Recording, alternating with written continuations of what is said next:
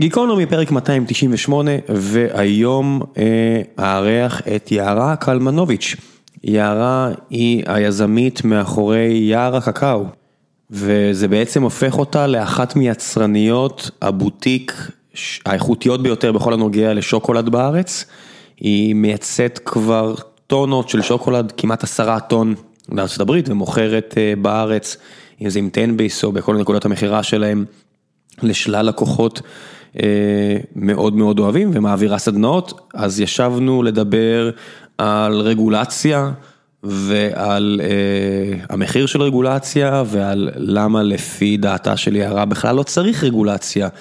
ועל שוקולד, מן הסתם דיברנו הרבה על שוקולד ועל היצרניות הגדולות של השוקולד בארץ ועל השקרים הקטנים שהם מספרים לכם הצרכנים, הצרכנים ליתר דיוק, אה, אם אני לא רוצה לעשות טעויות מביכות יותר. ועל שלל נושאים אחרים, והיה לי כל כך כיף לשבת עם יזמית שהיא לא יזמית טק, אה, שיזמי טק יש לנו מספיק, ויצרנים של אה, אוכל אין לנו מספיק, אולי בעיקר בגלל שהרגולטור אה, לא ממש באדם. אז כאמור דיברנו על הנושאים האלה, ולפני שנתחיל את הפרק עצמו אני רק רוצה להודות לכם, המאזינים, ששוב בחרתם את גיקונומי להיות אחד מהפודקאסטים האהובים בארץ, מקום שני אה, לפי סקר גיק טיים אה, בקטגוריית העשרה, ומקום ראשון ושני בקטגוריית הספורט לפודקאסטים האחרים במשפחה שלנו, בכל יום נתון בציון שלוש. אה, בציון שלוש אנחנו עושים, מדברים על כדורגל ישראלי עם יוני נמרודי, איציק ששו, אושרי, משה ואני גם, ובכל יום נתון אנחנו בעצם מתעסקים בספורט עולמי, שאותו מובילים עמית לבנטל ואוריאל דסקל כמובן, שהוא הלב הנשמה של הפוד, ושלל פרשני ספורט נהדרים אחרים שמגיעים כל שבוע.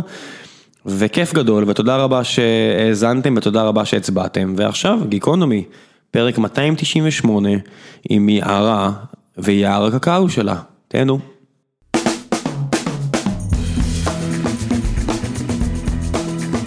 גיקונומי פרק 298 והבוקר נמצאת עימי יערה קלמנוביץ', בוקר טוב. בוקר אור. היי, אה, אנחנו מקליטים בשעה איחור כי גם אני וגם את נתקלנו הבוקר בקשיים אבל ככה זה.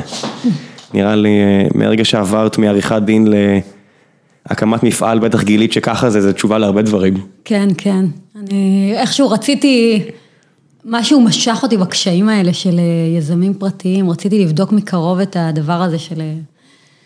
של הקושי להקים עסק בישראל בכלל ועסקי מזון בפרט, ואני איכשהו תמיד אה, לוקחת עצמי למקומות שאני רוצה להיות בהם ולא באמת רוצה להיות בהם. מתי המפעל התחיל? אה, שמונה שנים? הקמתי את החברה בשנת 2016, עשיתי שוקולד עוד הרבה לפני, חמש שנים עשיתי את זה בתור תחביב. אה, באמצע 2015 התחלתי לייצר ככה כמויות גדולות ולמכור לחברים. וסוף דצמבר 2015 התפטרתי מהעבודה בתור עורכת דין והתלבטתי אם לפתוח עוסק פטור, עוסק מורשה, בסוף פתחתי חברה בעם. אמרתי, אני אתייחס לעצמי כחברה בעם, אני גם אצדיק את זה. כן, בדרך כלל ההבדלים הזה לפי הכנסות, אם אני, אם אני מקשיב לאורי החשבון שלי, יש איזה כן, טירים כן. כאלה של הכנסות, שאם אתה עובר מ-X ל-Y, אז תעשה ככה, מ-Y ל-Z תעשה ככה. אז זהו, עקרונית צריך לחשב את זה לפי הרווחים. אמרתי, רווחים בכל מקרה לא יהיו בשנים הראשונות, כי, כי זה ראיתי עסק. את עצמי משקיעה את הכל בעסק. כן. כלומר, אה, ראיתי את עצמי גורמת למצב שלא, שלא יהיו רווחים. ככה גדלים? אני אהיה חברה בעם, וככה הכספים יהיו מושקעים נכון, ואני... תגידי, אחרי כל כך הרבה שנים בהבנה כלכלית ובאקדמיה ובעריכת דין, לא ראית את כל הקש... את ההר של הקשיים מולך? את יודעת, הרבה יזמים יוצאים לדרך והבורות משרתת אותם, ואני יכול להגיד על עצמי הרבה פעמים מאוד נאמנה, כי אתה אפילו לא מבין כמה קשיים הולכים מולך, וזה נוח כי אתה מגלה אותם רק אחרי שכבר קפצת למים. את מהצד השני, ידעת בדיוק מה הולך להיות. זהו, לא ידעתי בדיוק, נמנעתי מלהסתכל בעיניים להרבה דברים. מה למשל? לא היה לי מושג שצריך כדי לייצר מזון אה, ולמכור אותו החוצה, צריך רישיון יצרן. פשוט לא היה לי מושג. ומה... מה זה אומר רישיון יצרן? רישיון יצרן זה אישור של משרד הבריאות, הוא מאשר שהמקום שאני מייצרת בו הוא בטוח ל... ל... לייצור, לאכילה, ל... לייצר מוצרים שהם לא, שלא מלוכלכים, שהם לא, שהם מספיק ראויים. איך הוא מכריע דבר כזה?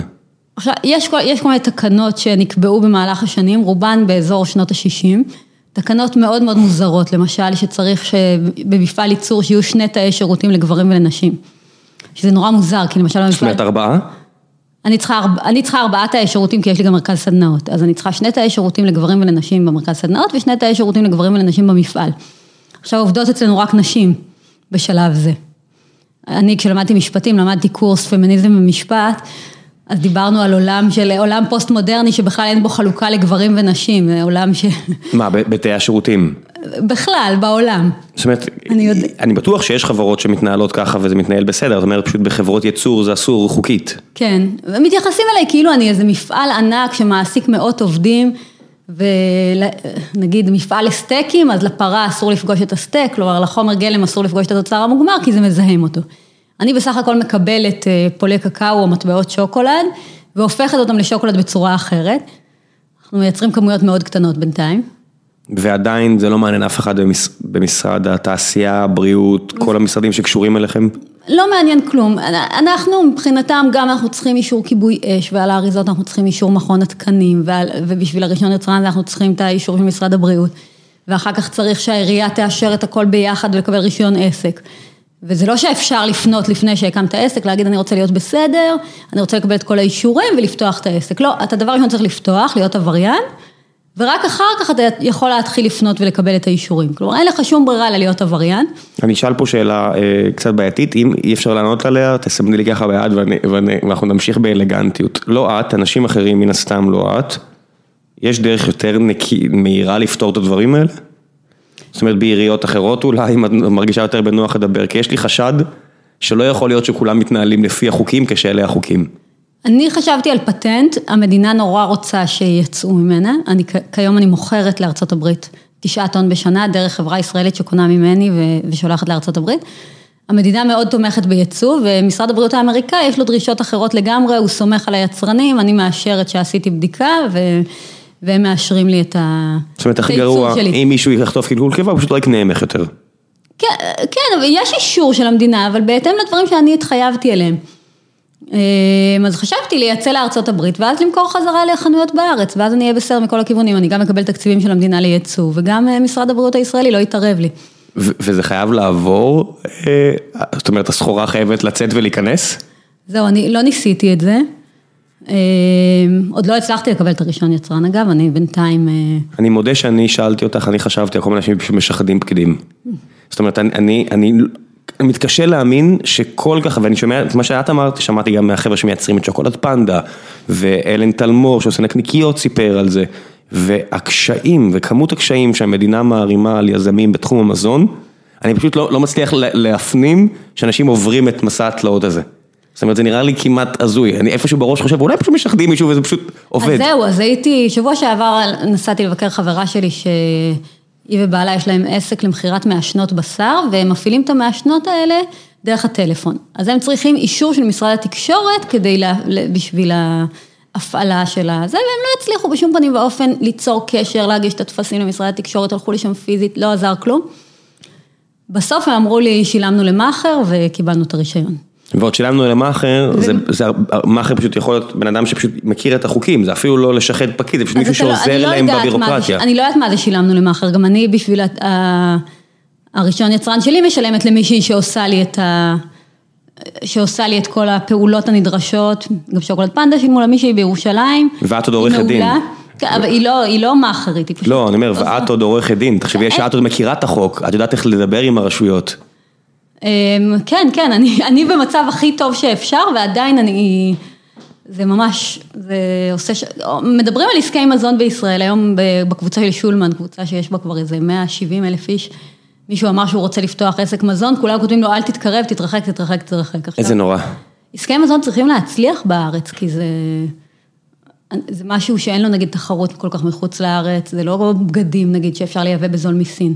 אנחנו גם יכולים להיות טובים בזה, זאת אומרת, הרבה פעמים אומרים, אנחנו לא צריכים להתעסק בדברים שאנחנו לא טובים בהם, שאין לנו יתרון תחרותי. אז פה יש לנו יתרון זהו, מאוד יכול להיות שאנחנו טובים בזה. ישראלים אוהבים את האוכל הישראלי. בדיוק, יש לנו שוק שבוי. אני מכירה כבר, אני יודעת מה הלקוחות שלי אוהבים, אני יודעת איזה שוקולדים הולכים טוב, יש, לה, יש ללקוחות שלי את הכשרות שמתאימה להם, הם לא יקנו, אף אחד לא יקנה שוקולדים לא מסין ולא מארצות הברית, כי זה לא, זה לא מתאים בטעם, זה לא מתאים בכשרות, זה לא מתאים במינונים. אנחנו היא בדיוק אוהבים את זה. מתאימה לייצר את הדבר שהלקוחות פה מחפשים. כן, וגם צריך להגיד את האמת, את אישה דתייה, יש פה שוק דתי ענק בארץ שצמא למוצרים טובים, ולא בטוח שהשוק הסיני אמור לשווק לו, או בכלל יכול לשווק לו. זאת אומרת, פררו באיטליה, או ברילה, או כל מיני חברות ענק מפוארות כאלה, לא בטוח שיש להם יתרון עלייך. אה, נכון, נכון, זה נורא עצוב לי כי אני נכנסת לסופר, שאני רואה שיש שם איזה שש חברות שולטות בכל מוצרי המזון, בדיוק אלה שדיברת עליהן. זה, הם שולטות, אנשים לא יודעים לחבר שברילה זה לא רק הפסטה, אלא גם הרבה דברים אחרים, וגם לא יודעים לחבר שיש רק יבואן אחד עם הבית היפה בקיסריה ששולט ב, ביבוא הזה, ויש לו בעצם מונופול על הסיפור הזה. כן, וכל אנשים חברת רואים קוקה מחירים, קולה, כן. אוסם, עילית, כל החברות הגדולות שולטות לגמרי בשוק, ואתה לא תמצא יצרנים קטנים או בינוניים בשוק המזון הישראלי. זה גם מוריד את האיכות, זה גם צריך להגיד, זה לא רק עניינים של מחיר. אין לנו, אין לנו מבחר, ואנחנו אוהבים אוכל טוב, אנחנו כן. מסעדות פה כן מתפתחות, ישראלים אוהבים את הדברים האלה, אנחנו אוכלוסייה מתפתחת, ואנחנו תקועים איפשהו לדעתי איזה 40 שנה אחורה. בגלל הבירוקרטיה? בגלל הבירוקרטיה והרגולציה. יש, יש מצבים שאת אומרת, אוקיי, טוב שיש את הרגולציה הזאת, נגיד על בשר, אני יכול להגיד, אולי טוב ששומרים עליי, כי אם יהיה לי זיהום בבשר, המחיר הוא הרבה יותר חמור מאשר זיהום בשוקולד, או שאני סתם לא מבין במזון. אני חושבת שאיך שזה מתנהל זה פוגע בכולם. זה פוגע גם ביצרנים וגם בצרכנים. אני חשבתי על דרך אחרת. אם אני רוצה לשלם ל... אה, אני רוצה שהמזון שלי יהיה אורגני. אני יכולה לשלם לגוף שנותן לי חותמת שהמזון שלי אורגני, בא לבדוק שאני עובדת לפי הכללים הנדרשים, ואני מקבלת חותמת של מזון אורגני. אני רוצה כשרות מסוימת, אני רוצה כשרות בד"ץ, כשרות אה, רבנות מהדרין, רבנות רגילה. אני יכולה לשלם בצורה פרטית לגוף פרטי שבא לבדוק שהדברים שלי עומדים בתנאי הכשרות. עכשיו גם הגוף הזה יכול להתעמר בך ויכול להתנהג באותה גסות שהמדינה מתנהגת, אבל את אומרת לפחות מהצו הזה יכול להיות שיהיה עוד גוף, נכון, שפשוט יציע שיבוא שירות גוף יותר טוב. ויתחרה בו, ואני אוכל לבחור את הגופים שאני רוצה לעבוד איתם, שנותנים מענה לקהל היעד שלי. זאת אומרת לה- להפריט את, את האזור הבעייתי הזה, הבירוקרטיה, זאת אומרת את לא נגד הביקורת, אלא פשוט את נגד העובדה שהמדינה לא עושה את זה טוב ולא נראה שהיא משתפרת בזה. כן, היא גם עושה המון צרות ליזמים, היא גם חוסמת חדשים מלהיכנס, וזה גם לא, ראיתי המון מפעלים שיש להם רישיון יצרן שיש מטונפים, לא, לא מתאימים בכלל, לא היית רוצה לאכול בהם למרות שיש להם אישור של בוודאי, המדינה. זה, כי זה רק תעודה.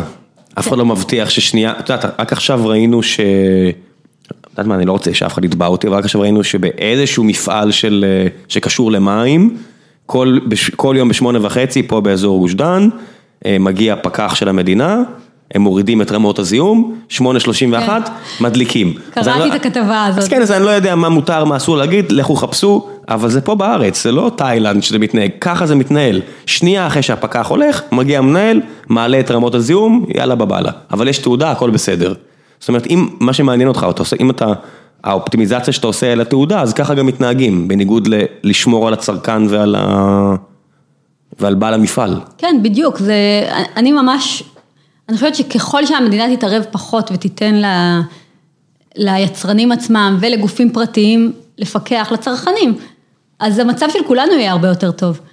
עכשיו יש חוק סימון מוצרים, אני אומרת, אי אפשר לתת אמון, אנחנו צרכנים, אנחנו יודעים מה טוב לנו, אנחנו יודעים לחפש, לדעת מה רמות הסוכר שאנחנו רוצים, הדברים צריכים ללכת הרבה יותר אחורה, חינוך לבריאות, משהו שהוא, שאנחנו בוחרים בו, ולא איזה לבוא עם חותמת מלמעלה, עדיין אין לי את המדבקות, זה עוד לא, אני, אני רואה, אני רואה, אני עכשיו מחזיק אה, קופסה שלך, ואני רואה שיש פה את האזהרת אלרגנים, אני רואה שיש פה את הפירוט המלא של איזה חומרים יש פה.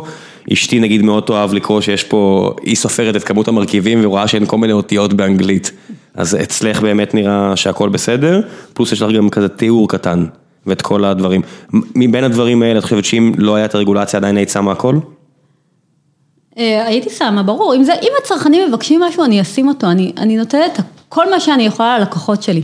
אני, אני מרגיש זה שזה... אינטרס כן. שלי, האינטרס שלי שהם יקנו ממני כמה שיותר, שהם יאהבו את המוצרים שלי, אין לי שום אינטרס לדפוק אף אחד, להפך, אני כל הזמן מנסה לבדוק מה הלקוחות מבקשים ולתת להם את הדבר הזה. כן, זה, אני חושב שעם צרכנים, עם, עם אה, מפעלים קטנים זה בהחלט נכון, מתישהו המשוואה הזאת נשברת, לא יודע, בתעשיית הטבק ראינו את זה, ובתעשיות נורא גדולות אחרות, שאני אומר, יש להם מספיק כוח כדי אפילו להיות חזקים מול הצרכנים, אבל בטוח שהמצב הקיים שבו מה שהמדינה עושה הוא לא הפתרון, כאילו אנחנו רואים, אני, אני שומע אותך ואני שומע גם יצרנים אחרים שמגיעים לכאן, והתמונה שהם מתארים היא תמונה מאוד מאוד קודרת, של התעסקות מול גוף מאוד לא נעים ולא נוח. אה, כן, כן, זה... עד כמה זה אני הוציא לך ה... מעריצה את אלה שעושים את זה אף על פי כן ולמרות הכל. את אחת מהן. אה, את כן. את הגיבורה של עצמך מהבחינה הזו. אה, כן, כן, היו רגעים שהיית קרובה להישבר בגלל כל הקשיים האלו? כל הזמן. השיא אצלי היה שבשנה הראשונה, כשהייתי, כן, כן, ככה. מאה אחוז. אה, כשהתחלתי לעבוד, אה, עבדתי בדירת שלושה חדרים בקומה רביעית, זה הדירה שלכם. דירה ששכרנו, בן הזוג שלי התחיל אז, בגיל 35, עזב לימודי כימיה, התחיל ללמוד רפואה, הוא היה סטודנט, אני הייתי אז עורכת דין, עבדתי בטירוף מהבוקר עד הלילה, ארבעה ילדים, והתחלתי לייצר שוקולד בבית, פתחתי קורס לנערות בסיכון במקלט מתחת לבית, כאילו היית מספיק עסוקה. ו... ואז התחלתי לגלות את כל הדרישות האינסופיות, כל, כל יום גיליתי עוד משהו. הראשון יצרן, הר- הראשון עסק, ה- ממש כל יום גיליתי משהו אחר שאני עושה נגד החוק, ואני לא יכול, בעצם, אני עבריינית בעל כורחי, אחרי שהייתי עורכת דין פלילית, זה מאוד הטריד אותי בהתחלה. כולם אומרים שיש אה, מעבר דק בין אה, עורכי דין פליליים לעבריינים. הנה, בבקשה, הוכחת. כן. אמ, ו... והתחלנו למכור במתחם התחנה הראשונה בירושלים, היה לנו שם דוכן קטן, בהתחלה הוא היה פעיל רק בימים חמישי ושישי, אה, ואז חתמתי על חוזה כבר של, שנהיה פעילים כל החודש, והיה נורא נורא קשה שם. מאיזו בחינה? זה, זה בחוץ, ושוקולדים לא באמת בנויים ל, להיות בחוץ. ביום חם ונמסים, בלילה קר נורא ואנשים לא עוברים. אי אפשר לכוון את הטמפרטורה בצורה שמתאימה. וככה התגלגל, וצריך, זה חוזה, זה כמו קניון, אז היינו צריכים להיות שם כל היום. ו- והשכירות לא נמוכה מן הסתם. שכירות גבוהה, והייתי צריכה להעסיק עובדים כל היום. וככה העברנו לנו שנה שלמה שם, ממש שנה מתוחה ו- וקשה. החזקת בציפורניים את העסק. ממש, ואז אה, בחודש אלול, חודש אלול לפני שלוש שנים? כן, שלוש שנים, הגיע מישהו והתחיל להתמקח איתי על מחיר הפרלינים, ביקש שאני אמכור לו שלושה פרלינים בעשרה שקלים במקום חמישה עשר. אמרתי, אף אחד לא קונה, הוא היה הלקוח הראשון שהגיע, ארזתי לו את הפרלינים הכי יפים והכי טעימים, פסיפלורה, בזיליקום וקרמל מלוח. תכף נגיע גם לשוקולד עצמו, ולא רק ו- לענייני הבירוקרטיה. וארזתי לו את הזה, והוא פתח את המעיל, היו לו המון המון שטרות במעיל, אמרתי לעצמי, בן אדם כזה עשיר, מה הוא מתמקח איתי על חמישה שקלים? אה, הוא הוציא לך סטפה של שטרות לא, בגומיה? היו לו במעיל סטפה של שטרות. מה זה אומר היו לו במעיל? הוא פתח את המעיל, והמעיל שלו היה מלא בשטרות. איך נראה בגב מעיל? של המעיל. איך נראה מעיל שמלא בשטרות? יש לו, בגב של המעיל היו לו כיסים עם שטרות. שטרות מודבקים? לא, לא, לא, בתוך, כאילו... כיסים? כן, כיסים עם שטרות. אמרתי, בן אדם כזה עשיר, מה הוא מתמקח איתי על חמישה שקלים? וזה לא הדליק עכשיו נורות אדומות? אז זהו, הוציא שטר של 200 מתחרט, הוציא שטר של 100, החזרתי לו עודף 90, נתתי לו את השלושה פרלינים, ואז הוא התרחק ואמרתי לבת שלי, משהו לא בסדר פה, תני לי את השטר. אני מסתכלת על השטר, אני רואה שזה שטר מזויף. איך, אוקיי, זה כנראה מזויף מהאשראי, אם במבט ראשון את מיד מבחינה בו. או שכצ... אה, או- או- הסתכלתי בו, ראיתי שהוא מזויף, ואיכשהו גם כשהוא פתח את המעיל, כבר ידעתי. כן, זה נראה כמו משהו מרחוב כל- סומסום, כל מה שאת מתארת. כך הוא לקראת הלקוחות, אתה כל כך לא רוצה להביך לקוח, מה, תתחיל לבדוק לו את השטר מול העיניים שלו? כולם עושים את זה. כולם, אני לא יודע, אני, מצטער להיות הציניקן בחדר, אבל כל שטר שאני מעביר, פיזי, כולם בודקים אותו. אז, אה, אז משהו, לא יודעת, הבנתי, הבנתי כבר, אה, אבל, אבל כאילו נתתי לו ללכת, אז התקשרתי למשטרה, אמרתי להם, מישהו פה מסתובב, מחלק שטרות מזויפים במתחם כן. התחנה, תבואו לפה, תשלחו ניידת, לא, את צריכה לבוא להגיש תלונה. והבת שלי אמרה לי, די, אמא, מה את, בו- מה את עצובה כל כך בגלל שטר מזויף? תעבירי את השטר הלאה. היא אמרה לי, היא אמרה לי, די, לגנבים אין רגשות, זה לא אישי נגדך. אחר כך חזרתי הביתה, אז בן הזוג שלי אומר לי, די, מה את, אה, זה, שפכת כל כך הרבה כסף על העסק הזה, עכשיו 100 שקל, את אה, כל כך עצובה. ואז אחת העובדות שלי פתחה לי פייסבוק, אז אה, כתבתי פוסט בפייסבוק לזייפן, קראתי. זה זייפן יקר, ו... ומאותו יום העסק התהפך מקצה לקצה. זה השלב, השלב בין השטר המזויף ל... רגע שהפוסט כן. נהיה ויראלי, זה השלב שרציתי להפסיק הכל. אז היפן עשה לך אה, טובה. לגמרי. אני הרגשתי שזה סיפור חסידי כזה, השליח שהגיע מלמעלה בחודש אלול, חודש הרחמים והסליחות. איוב, מה זה, מה זה השליח? כיפור. כן, מה עוד עלול לקרות לך? גם, גם הכסף שאת עוד מקבלת הוא מזויף. זהו, וגם זה עשה לי איזה מין תחושה כזאת שכסף זה משהו מזויף. שמרת? הוא פה השטר. שמרת שטר? כן, כן, הוא פה. הוא אצלך בארנק? הוא הולך איתי לכל מקום. לא, אבל... להזכיר לי את המסר הזה שכשחושבים שהגענו למקום הכי מחזיקה נמוך, בידה עכשיו שטר. זה, זה הרגע ש... לא, אבל אצלך בארנק זה יכול ללכת לאיבוד, זה משהו ששמים על המקרר הדבר לא, הוא הזה. שומר עליי, הוא שומר עליי, הוא צריך, שומר אני צריכה? אותו בכל מקום, זה מזכיר לי שכסף זה רק אמצעי, זה רק... אה, טוב, אז דיברנו על כסף, דיברנו על בירוקרטיה, ואני מודה שזה דברים שמעניינים אותי ואת המאזינים, אבל צריך להגיד את האמת, הרבה יותר מעניין זה שוקולד. מתי התחלת להבין שבא לך בכלל על העיסוק הזה? זהו, מצאתי את עצמי ב...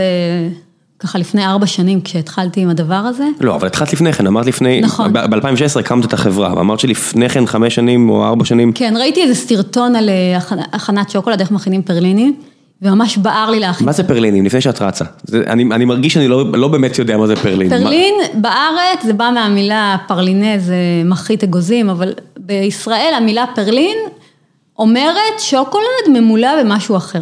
כלומר, יש לנו, זה ההגדרה? זה ההגדרה של פרלין. זאת אומרת, אם זה גוש של שוקולד זה לא פרלין. לא. אוקיי. צריך להיות במילוי של משהו אחר.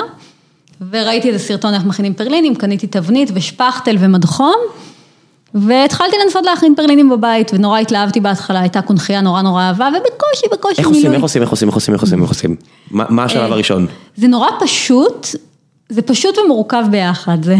easy to learn how to master. זה הדברים הכי כיפים, אבל מה מה השלב הראשון? אה, השלב הראשון הוא טמפרור של השוקולד, שזה אה, בעצם אה, המסע של השוקולד ואז קירור שלו תוך כדי ערבוב.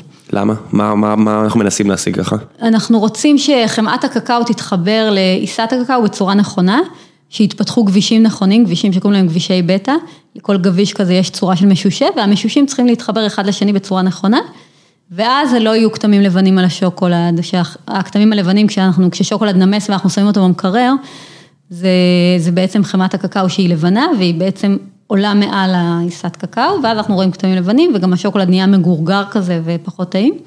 ואם הוא בתוך תבניות, אז הוא פשוט לא ישתחרר מהתבניות, הוא, הוא ידבק אליהם. אם הוא מטומפרר, הוא יוצא בצורה מושלמת, ו... וה- והשלב הזה בין לבין, שמקבלים את החומר גלם, עד לתהליך שתיארת כרגע, זה תמיד היצרן של ה- של הממתק, של השוקולד עושה, זאת אומרת, זה לא יכול להגיע ככה גם? הוא חייב לטמפרר, אחרת אני רק קונה משהו מושלם עם מישהו אחר ומוכרת את אותו דבר. כי אני- מרגע שיש את הטמפרור זה כבר מוצר מוגמר? ברגע שיש את הטמפרור, אני אוכל לשנות את הצורה של השוקולד. אני מקבלת מטבעות שוקולד, הם מתומפררים כבר, הם מוכנים להעמסה, אבל אני, אני רוצה לה- להכין מהם כפיות שוקולד, פרלינים, truffle, זה... כל דבר בעולם, כל דבר שעשוי משוקולד, טבלאות שוקולד, ממרחים, כל דבר שאני רוצה להכין, אני חייבת לעשות את התהליך הזה של הטמפרור. ו- זה בסך וכולם, הכל לחמם ולקרר תוך כדי ערבוב. וכל הבלגים האלה שאני שומע עליהם, וכל הפה בווינגבירול, יש כל מיני יצרנים כאלה מאוד פנסי שמנסי, כולם בעצם עושים את אותו דבר, מקבלים חומר גלם ומטמפררים? כן, יש כאלה, גם אני עושה חלק מהשוקולד בין טו בר מפולי הקקאו עצמם. Mm. בישראל יש יצרן אחד ש... שעובד ככה, יש להם מפעל גדול. רגע, הם יוצאים. לארצות הברית. את רצה. זאת אומרת, עכשיו, יש אפשרות, עוד אפשרות, של לקבל את ממש פולים, שמגיעים מדרום אמריקה או מאפריקה, אני לא יודע מאיפה, שק של פולים, כן, ואז, הנה הבאתי לפה קצת פולין. כן, אני רואה, אה, והבאתי חמת קקאו. זה נראה כמו שוקולד לבן טעים, אני מבין שזה לא שוקולד לבן טעים, אה, עושים מזה שוקולד לבן. אוקיי. אה, זה תחום שככה בשנתיים, שלוש האחרונות התחלנו לחקור מאוד לעומק, איך ממש מכינים, כלומר עסקים של מטבעות השוקולד שאני מקבלת, מאיפה הם באים, איך, איך מכינים את השוקולד מאפס. כי את חושבת שאת יכולה לעשות את זה יותר טוב? או לחסוך עלויות, או מה? אה, זה לא חוסך עלויות, הפולים הרבה יותר יקרים מה, אפילו מהשוקולד. למה? כמו שתרצה להכין לחם מהחיטה עצמה ולגדל את החיטה. הבנתי, כי יש להם אפשרות לעשות את זה בסקייל, בהיקפים גדולים, ואז היקפים גדולים מורידים עלויות, ולך אין את כן. האפשרות, אז זה יעלה לך יותר, אוקיי. אבל חיפשתי, גיליתי שיש מכונות, היינו, יש לנו קבוצת שוקולטיירים, בהתחלה הייתה בתפוז, אחר כך היא עברה לפייסבוק, אז אה, זה כמה- סטוד... כמה אנשים עושים את התחביב הנפלא הזה? לא הרבה, לדעתי בתור תחביב, יש אולי כמה מאות בארץ שעושים. ואוקיי, תכף שנייה, שנייה, אני לא מסיט, אני מחזיר אותנו אז אחד לעניינים. החברים בקבוצה, איזה סטודנט מאוניברסיטת באר שבע, אמר שהוא מצא שיטה ביתית לעשות שוקולד bean to bar, הזמין אותנו אליו, בינתיים הוא עזב את הארץ, הוא היום אה, עושה דוקטורט באנגליה, אבל הוא הראה לנו איך הוא מכין שוקולד בעשרות טעמים שונים, במכונה שלו בבית, בדירת סטודנטים הזאת, אה, וזה יוצא טוב? יוצא מדהים. יותר טוב אה, מאשר המטבעות שאת קונה. זה לא יותר טוב, זה פשוט אה, שיטות אחרות, הבאתי לפה את השוקולד תות, היה עכשיו, אני עושה שוקולד קסיס, שוקולד פיסטוק, תכף אני אספר על זה. זה נראה מאוד יפה. אני, אני, כדי לא להרוס את הפרק, אני לא אעשה עכשיו רעשים של עשיו ופתיחת שקיות, אבל נשמור את זה לסוף. תכף, תכף תטעם, זה גם, זה הכי טעים שיש. אה, זה בהחלט נראה ככה. אה, היה עכשיו, שמעת על שוקולד רובי? מה זה שמעתי? נשלחתי לחנות אה, כי זוגתי רצתה להכין עוגיות והיא רצתה רק מהשוקולד הספציפי הזה, ואני מודה שעד שהיא שלחה אותי, זה היה בסך הכל לפני שבוע, לא הבנתי כל כך מה היא רוצה ממני. אז אני... זה שוקולד אדום כזה, למי שלא יודע, תספרי לנו תכף מה זה בדיוק. אז זהו, אני קצת אולי ארוס את החגיגה, אבל... תרסי, תרסי, אני לא רוצה ללכת אנחנו שנים, מאז, שלמד, מאז שבעצם למדנו את השיטה הזאת של שוקולד אה, בין טובר מהפולי קקאו עצמם, מחמת הקקאו עצמה, ניסינו לפתח כל מיני שיטות להכין שוקולד, הכנו יותר ממאה טעמים של שוקולד. עצרי, את שוב רצה, מה זה מאה טעמים של שוקולד? אה, ניסינו כל דבר לשים בשוקולד, סנוברים ואגוזי לוז ואגוזי מלך וקשיו ושקד ו... ותות וקסיס וצ'אי מסאלה וקינמון. באיזה שלב? בשלב של הטמפרור שאמרת ש... לא, לא, לא, הטמפרור זה, זה שלב כשיש לי, יש לי כבר שוקולד מוכן, אני רוצה להפוך אותו למשהו אחר, אני, אני עושה את הטמפור. אוקיי, זה, זה לקחת מטבעות ולהמיר עליהם רק כן. לצורה. שאת אומרת... זה שלב יצירתי יותר, שאני מחליטה על איזה טעם של שוקולד אני רוצה, שממש השוקולד יהיה עשוי מאגוזי לוז, השוקולד יהיה עשוי משקדים. וזה עובד רק בבין טובר? זה, זה לא, לא תמיד זה בין טובר, לפעמים זה מחמת הקקאו, בלי, בלי בינס. כשחמת הקקאו זה שלב בין אה, מטבעות לפולים, בין פולים לבדות. אז אני אסביר רגע מה זה שוקולד מריר, מה זה שוקולד חלב ומה זה שוקולד לבן. מעולה. ואז נבין גם מה זה שוקולד רובי ונבין את כל הטעמים של השוקולדים שאנחנו מכינים ביער הקקאו. אז שוקולד מריר, יש בו פולי קקאו, יש בו סוכר ויש בו חמאת קקאו. אלה המרכיבים העיקריים, לי יש גם לציטין, מייצבים וכו' וכו'. ואנחנו כן. לא חשובים, אלה החומרים החשובים. כן. הנה הם פה, אה, חמאת קקאו, פולי קקאו אה, וסוכר. אחר כך שוקולד... כמה סוכר? צריך להוסיף לזה? זה תלוי באחוז, בשוקולד שאנחנו רוצים, אם אנחנו רוצים אה, מריר 80 אחוז, יהיו בו בערך 20 אחוז סוכר. אה, אוקיי, כל הנותר זה הסוכר. כן, ה-80 אחוז זה פולי קקאו וחמת קקאו. אה, זה, זה שוקולד מריר. שוקולד חלב, אנחנו נוסיף לו אבקת חלב, הנה היא פה. אני, אה, אני רואה שאת מחזיקה בידך אבקה. אנחנו לא נשים חלב נוזלי, כי שוקולד הוא מוצר מדף. אנחנו רוצים שהוא יחזיק הרבה זמן על המדף מעמד, אנחנו לא רוצים שהוא יושב במקרר עם המילקי והיוגורט. כי חלב יחזיק גם, גם החלב המהונדס של היום, זה עדיין מקסימום שבועיים. כן, לא חלב, לא שמנת, לא מים, אנחנו רוצים שהשוקולד יהיה מוצר מדף, שיהיו בו רק חומרים יבשים או שומנים. אז אה, שוקולד חלב, יש בו פולי קקאו, חמת קקאו, אבקת חלב וסוכר. וזהו, אוקיי. אלה ארבעה המרכיבים העיקריים שלו. והסיפור המעניין הוא שוקולד לבן. מה יש בשוקולד לבן? אתה יכול לנחש? אני, תמיד אמרו לי שפשוט זה מעט מאוד קקאו. זה פשוט בלי פולי קקאו. כן, אמרו לי זה פשוט בלי, ה... לא שוקולד. מורידים את החלק החום, לכן יש כאלה שטוענים שזה לא שוקולד, אנחנו משאירים רק חמאת קקאו, אבקת חלב וסוכר. כן, איתי מווניליה היה פה לא מזמן ובהחלט אה, הבהיר לי שמה שאני אוהב זה לא שוקולד. אה, זה ילדותי וטעים, לא יודע, לי זה טעים, אני יודע מה. אני מאוד אוהבת שוקולד לבן. כן, זה הכי טעים. זה כמו ילד שהוא דף חלק, שהוא לומד הכל, שוקולד לבן הוא דף חלק, אין לו טעם משלו כל כך. באמת? אתה יכול לטעום את הפולי קקאו, את החמאת קקאו, אני לא אתן לך לטעום כי אין לה טעם. אבל אה, היא מקבלת כל טעם שנותנים לה. ופה התות, אתה תטעם אותו עוד מעט, הוא חמצמץ ממש, מרגישים את התות. אם נשים, אנחנו שמים אה, מחית פיסטוק, יש לנו שוקולד פיסטוק, הוא גם בצבע ירוק, זה מעורבב עם החמאה?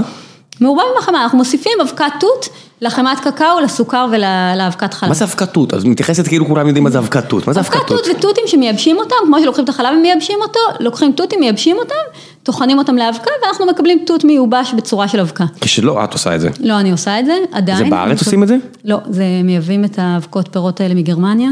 מאוד מאוד יקר. אני מתאר לעצמי. בהתחלה עשינו, פשוט גזרנו שקיות תה ושפכנו לתוך המכונה. לקחנו... שקיות תה? לקחנו, לקחנו את התה היבש בכל הטעמים, שפכנו ובדקנו מה קורה. כי רצינו משהו יבש, את הטעם בצורה יבשה. ו... לא יכולנו להכניס פרי רטוב. ו... אחר כך מצאנו ספקים שהביאו... לא, איך יצא התה? השוקולד בטעם תה יצא מדהים, ומאז יש לנו שוקולד ארל גריי, ושוקולד צ'אי מסאלה. נשמע לי נדיר, אני, אני, אני, אני מאוד אוהב קופאין, אני מאוד אוהב שוקולד, נשמע לי פנטסטי. זה מדהים, זה מדהים גם פתאום למצוא את כל הטעמים האלה בצורה של שוקולד. כן, והכי טוב ככה. זה עובד עם שוקולד לבן, כלומר ניסינו להכניס נגיד פטל לשוקולד מריר 85 אחוז, אז השוקולד 85 אחוז הוא נהדר והוא בטעם של פולי קקאו, אבל, אבל הם, הם לא הרגישו את הפטל בכלל. הם נורא אגרסיביים, כן, זה טעם סופר. גם לא רואים, זה לא עושה את זה בצבע שונה או משהו כזה. אז זה סתם בשביל הפלצנות ולהגיד שיש כזה. אמ, כן, אין כזה כל כך, אי אפשר להשיג כזה, באמת מי ש... לא, אני אומר, אם את היית רוצה למכור, את יכולה להגיד, תדעו לכם שיש בזה כן, פטל, כן. אבל זה לא באמת משפיע על כלום. זהו, האמת שאנחנו כן עושים, נגיד שוקולד 85% עם שקדים שלמים, עם אגוזים שלמים, כי יש הרבה שמחפשים אה, פלאו, קטוגנים, שמחפשים שוקולד 85% ומעלה, עם תוספות. אז כן, אנחנו עושים את זה, אבל את הדברים המעניינים, עם הצבעים כן. המעניינים, אנחנו עושים, הבסיס הוא שוקולד לבן דווקא. הייתי בשווקים של. הפלאו, זוגתי הייתה שם בשלב מסוים, זה אכן אה, חבורה של אנשים מעניינים, אין, אין ספק, אני בהחלט מבין על מה את מדברת. אה, עשינו שוקולד שהוא כמעט פלאו, שוקולד לבן עם מחית פיסטוק, שיש בו רק 20 אחוז סוכר, הוא בעצם דומה לשוקולד מריר 80 אחוז. רק 20 אחוז סוכר, 20 אחוז סוכר, זה כמו שוקולד מריר 80 אחוז, בשוקולד מריר 80 אחוז יש 20 אחוז סוכר. זה עדיין הרבה סוכר. נכון, לי- כן, לא- לא- הרבה אנשים מופתעים מזה, הם בטוחים ששוקולד 80 אחוז יש בו מעט סוכר. לא שלי יש בעיה עם זה, אבל מי שרוצה להתיימר כן. להיות נטול סוכר, שידע ש-80 אחוז עדיין מלא סוכר. אז זהו, אז אנחנו החלפנו חלק מהשומן וחלק מהסוכר במחית פיסטוק, והיה לזה טעם פיסטוקי מדהים כזה. אבל לא מתוק. לא מתוק בכלל. מעולה. קיבל צבע ירוק כזה, הולך טוב עם קפה בטח. כן, ו... גם, את יודעת, איתי מווניליה סיפר שכל מה שקשור לפיסטוק למשל זה נורא בעייתי, כי צריך להביא את זה מאיטליה וזה נורא יקר, ואנשים לא מאוד, מבינים מאוד. עד כמה זה בעייתי להתעסק עם החומר גלם הזה שכולם כן. אוהבים. כן, כן, אנחנו גם אה, באותה צרה, אותו דבר עם התות, אותו דבר עם הקסיס, אותו, כל הפירות האקזוטיים, לקנות אותם באבקה זה מאוד מאוד יקר. מה היה הפיצוח הראשון? זאת אומרת, מה היה השוקולד הראשון שהכנת שאמרת, יוריקה, זה, מצאתי פה משהו אדיר. אה, קרמל מלוח, אני חושבת. עוד לפני שחברות אחרות דיברו על קרמל מלוח, הכנו קרמל מלוח מדהים, ונורא מזהים אותנו עם זה. אה, אנחנו מכינים המון קרמל מלוח, גם את הקרם עצמו בצנצנת, וגם אה, טבלאות שוקולד קרמל מלוח, ופרלינים קרמל מלוח, ומשהו בטוויסט הזה בטעם, וזה שקרמל לא חייב כן. להיות מתוק. אני לא זוכר את זה כילד, אני, את יודעת, יש לי עכשיו, אה, יש לי חבר שהיה גם בפיננסים ועכשיו יש לו קונדיטוריה בשם מרטין בבאר שבע, מאוד ממליץ למי שבאזור הזה, קונדיטוריה אדירה, ותמיד כשאנחנו נפגשים הוא מביא לנו את השוקולד קרמל המלוח הזה, ואני אומר, איך, איך אנשים לא גילו את זה עד עכשיו, זה אדיר, השילוב של המלוח והמתוק הוא פשוט מדהים. זה ממש, גם זה, גם אנחנו עושים שוקולד בזיליקום, אז גם פתאום אוקיי, הטוויסט זה, הזה בטעם. מה, מה זה שוקולד בזיליקום? קפצת פה ממחוזות המוכר וידוע לביזאר, מה זה שוקולד אז זהו, בזיליקום? אז גם קרמל מלוח- היה פעם ביזאר. אבל- אבל- שוקולד צריך כן. להיות מתוק, מה פתאום לשים בו מלח? אבל בזיליקום זה פסטו, מה את מביאה לי עכשיו אותו לשוקולד? זה מדהים בשוקולד, זה פשוט אה, עובד, דווקא האלמנט הזה של ההפתעה. איך חשבת על זה? ניסינו, שמנו כל מיני דברים, כל מיני עלים. מי זה אנחנו? איך עובד התהליך היצירה שלכם? אה, יש בחור בשם מוטי שניהל את הקבוצה שהייתה לנו בתפוז, הוא פגשתי אותו באחד המפגשים שלנו, ביקשתי שילמד אותי להכין שוקולד, הם כאלה משפחה בדיוק הפוכים מאיתנו, נורא כאלה foodies, גרים באזור המרכז, אוהבים כזה אוכל טוב, אנחנו כאלה ירושלמים, דוסים, אוכלים צ'ונט וקיגל בשבת. ונהיינו ממש חברי נפש שתי המשפחות, מוטי לימד אותי להכין שוקולד, אנחנו הזמנו אותם, את כל המשפחה, נהיינו ממש ככה כמו אחים, באים אלינו לאכול צ'ונט וקיגל בשבת, והוא מפתח, הוא חושב על טעמים חדשים. באיזה שלב. מגיע מושבניק מאזור ים המלח ומביא לך בזיליקום? באיזה שלב זה קורה? אז זהו, אז אנחנו בקשר עם המון המון חקלאים מכל התחומים, גם לבזיליקום, גם לדובדבנים, אנחנו מקבלים מקיבוץ רמת רחל, פסיפלורה, יש לנו חקלאי מכפר יחזקאל שמביא לנו את הפסיפלורות טריות. ואת צריכה לייבש אותם? את הפ- הפסיפלורות זה למילוי, הפסיפלורות הדובדבנים, זה למילוי, למילוי לפרלינים. אבל זה בסדר, זה רטוב, זה זה חלק כן, ממה שאני אפשר, מחפש. זה שמנת. אנחנו מחפשים דרך לייבש, בזיליקום אנחנו לפעמים קונים מיובש בשביל הטבלאות שוקולד. צריך ממש לתלות את העלים על, כמו שתולים בגדים? אה, כן, אפשר לשים בתוך ספר, יש כל מיני שיטות. אה. אבל זה נשמע לי, זה נשמע לי הכל שיטות למעט, זה נשמע כאילו שאת כן, גם מייצרת תשעה טון, אז אני מרגיש שאת צריכה... הייצור ההמוני אצלנו קצת מנותק, יש את הייצור ההמוני ויש את הייצור, ה- את המחקר, את הפיתוח, את הדברים שאנחנו מוכרים אצלנו בחנות. כל הדברים המעניינים האלה שיש פה אה, כמויות אדירות שוקולד כרגע על השולחן, אה, כל הדברים המעניינים האלה זה דברים שאין להם ייצור המוני, שאי אפשר? אה, חלק כן וחלק לא, מה למשל שלחנו לא? לארצות הברית שוקולד פטל ושוקולד אגוזי לוז. זאת הייתה עסקה לא פשוטה, הראשונה ששלחנו לארצות הברית, כי דו, דווקא עם לוז ופטל? כן, רציתי לתת להם את הכי טוב שיש, כדי ש... וזה עבד, הם נורא אוהבים אותנו. למי? איפה את מוכרת? זה חברה שקוראים לה לב העולם, הם מוכרים לנוצרים אוונגליסטים בארצות הברית. הם התחילו מאיזה 300 לקוחות, היום הם, יש להם כבר 7,000 לקוחות. כן, יש איזה 20-30 מיליון אוונגליסטים, זה קהל בסדר. זאת אומרת, יש למי למכור. והם פשוט, בגלל שאולי כי שלחנו להם את השוקולד הכי טוב שלנו, במשלוח הראשון הם פשוט עפים על זה. זה עם הקופסאות כאלה? כן, לא- לא- באנגלית, אנחנו מתרגמים את זה אז כן- לאנגלית. אז כן תרגם, זאת אומרת לא לא שיחקת פה על העניין של עברית ואוונגליסטים והכל. ממש- גם, אנחנו מספרים את הסיפור שלנו, ואנחנו מאוד מאוד מתעניינים במה שאנחנו עושים, ופשוט עפים על השוקולד הזה. איזה כיף. אה, כבר עכשיו אנחנו בעסקה רביעית איתם. איך היה. הרעיון הראשוני העסקי הזה? זאת אומרת, ממקום שאת אה, אישה, עורכת דין, בעלך רוצה, בעלך רוצה להיות רופא, את בדירה, למקום של תשע טון לארצות הברית, משהו קורה בין לבין. זאת אומרת, מי מביא לך את ה- אה, הרעיון הזה של יש אוונגליסטים בארצות הברית שאולי ירצו שוקולד ישראלי? אה, או שאת מגיעה אליו לבד, אני לא יודע, זאת אומרת. אה, בהתחלה הייתי נורא ככה בתוך העניין שלי, הסיפור שלי. נורא רציתי לפתח את השוקולדים שלי, אה, לא חשבתי בכלל על טבלאות שוקולד, הכנתי כל הזמן פרלינים. ו... ולא, כאילו הרגשתי שאני פחות, אה, לא הצלחתי לחשוב ממש מחוץ לקופסה. ולאט לאט הבנתי שאני צריכה לשלב את הסיפורים, כלומר אני צריכה לקחת את הסיפור, את הסיפור שלי שהוא נורא מעניין ואת התשוקה הזאת לשוקולד ואת ה... ואת הבאמת אין סוף יצירתיות, ו, ושזה העסק. כלומר, זה, בסוף הלקוחות מחפ, כן מחפשים את הסיפור, את העניין, את ה, לא את המשהו התעשייתי, האותו דבר המון המון פעמים.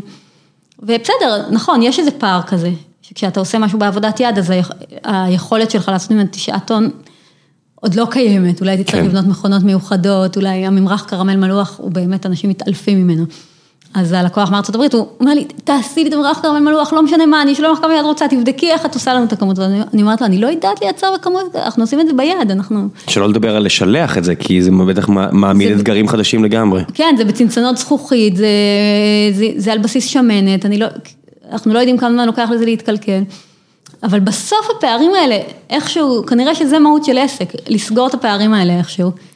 ובאמת אנחנו עסק שמאז הסיפור של הזייפן, אחר כך עשינו, עשינו קמפיין הדסטארט, מימון המונים, גייסנו 400 אלף שקל, למה? למה מה רציתם לעשות עם הכסף? לפתוח את המפעל, להיכנס, זה היה- לעבור מהבית שלי למפעל אדיר. בתלפיות. זה היה השלב הראשון. כן, ו, והלקוחות נורא נורא נורא איתנו, ואנחנו באמת משתפים בהכל, אנחנו, יש לכם איזשהו פורום כזה, את יודעת, ישב פה לא מזמן אחד המנהלים של אהבה, של הקוסמטיק, של המפעל קוסמטיקה בים המלח.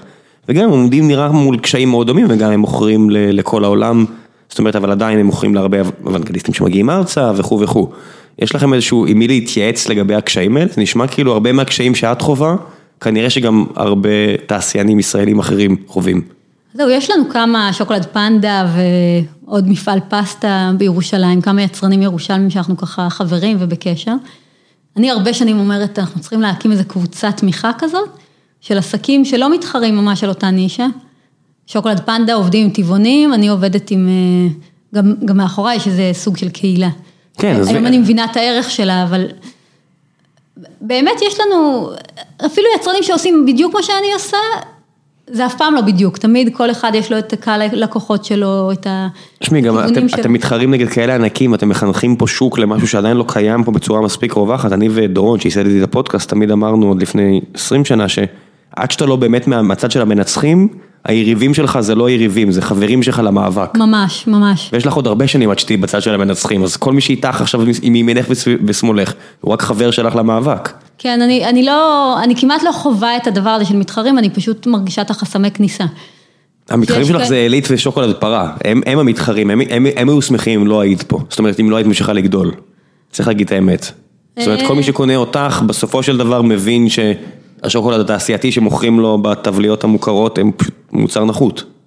כן, נכון. זה עצוב לי שאין לנו דרך, הייתי מתה לראות גם מותג אחר בסופר, לא, איזושהי גלידה של יצרן ישראלי בינוני, סוכריות חמאה, למה יש רק מגרמניה? למה? איך, איך, איך באמת מגיעים? גלידה, רק בן אנד ג'ריז יש להם, איזה עוד גלידה טובה יש? גלידה על בסיס שמנת, לא מה ששטראוס מוכרים. גלידה באמת טובה שאתה יכול לקנות בארץ, למה שלא תוכל לקנות משהו של יצרן ישראלי? בסופר, זאת אומרת יש את וניליה באמת ואיתי היה פה והם מוכרים גם נכון, כשרה למה וגם לא וניליה לא כשרה. יכולים להיכנס לסופרים? את צריכה לשאול את זה נראה לי את רמי לוי, הוא נראה לי לא גר כזה רחוק ממך ושווה לשאול אותו למה כ... כציוני נלהב, הוא לא עושה את המאמצים, אבל אני מניח שהוא יגיד שזה עסק, ועסק כנראה שאת, שיש שם איזשהו משהו שאנחנו לא מדברים עליו פה, באמת שווה להביא איזה אני מנהל חושבת רשת שבגלל גדול. הרגולציה, אני חושבת שהחברות הגדולות שומרות על רף רגולציה גבוה כדי למנוע מיצרנים חדשים. יש משהו במה שאת עושה או לא עושה רגולטורית שמונע מסופר לשים את המוצרים שלך על המדף? אני פשוט לא אצליח להגיע למחירים שלהם. אני לא יודעת איך... כי הם מורידים מחירים, אבל אבל כשאני מגיע לסופר לא הכל זול, בסדר בוא נגיד את האמת, יש שם הרבה מוצרים שהם מוצרי פרימיום שהם יקרים, בטח בסופרים הרשתות הגדולות הפרימיום יותר, שהם גם בבעלות של אותם חבר'ה צריך להגיד, זאת אומרת יש מוצרים יקרים בסופר, יש שוקולדים יקרים בסופר, פשוט זהו, לא, אני, לא, לא במחיר אני הזה, נורא נורא מחויבת לאמת כלפי הלקוחות שלי. דיברנו קודם על שוקולד רובי, תסתכל על שוקולד רובי של עילית, כתוב אה, שוקולד מפולי קקאו רובי. מה זה, מה זה, שוק- מה זה פולי קקאו אז רובי? זהו, אז אנחנו נורא התעניינו, מה זה שוקולד מפולי קקאו רובי? ניסינו להשיג פולי קקאו רובי, לבדוק אם אפשר לקנות פולי קקאו כאלה. שום דבר, אנחנו מכירים שני זנים עיקריים של פולי קקאו בעולם, אה, ולא שמענו על אה, פולי קקאו חדשים. קנינו שוקולד רובי, הסתכלנו על הרכיבים וראינו שזה מאוד דומה לשוקולד תות שלנו. יש בו חמת קקאו, סוכר, אבקת חלב, ויש בו שניים וחצי אחוז אבקת קקאו, שהיא, אנחנו יודעים שאבקת קקאו, יש לה, אפשר להפיק אותה בכל מיני שלבים של, אה, של הפולים, כלומר, הם עוברים אה, כליאה, הם עוברים תסיסה. בשלב לפני התסיסה יש להם צבע ורדרד כזה. אז אם מפיקים אבקת קקאו בשלב הזה, היא, היא קצת ורודה כזאת. אז מוסיפים לאבקת פירות הזאת, כתוב שם ברכיבים אבקת פירות, מוסיפים את האבקת קקאו הוורדרדה הזאת. רק שניים וחצי אחוזים. שניים וחצי אחוז, וזה פשוט שוקולד לבן בטעם תות או בטעם פירות. אה, הייתה לי אין תחושה דבר כזאת. כזה פולי קקאו רובי. הייתה לי תחושה, אני מודה. ועשו מזה כזה עניין, ואנחנו פרסמנו את זה, פרסמנו מאמר על שוקולד רובי. הנה, את רואה, זה האם בדיוק, יש פולי קקאו חדשים? זה זה הגיע אליי בלי המאמר שלך מזוגתי, שאמרה לי, לך טבעי, בא לי להכין עוגיות מהדבר הזה.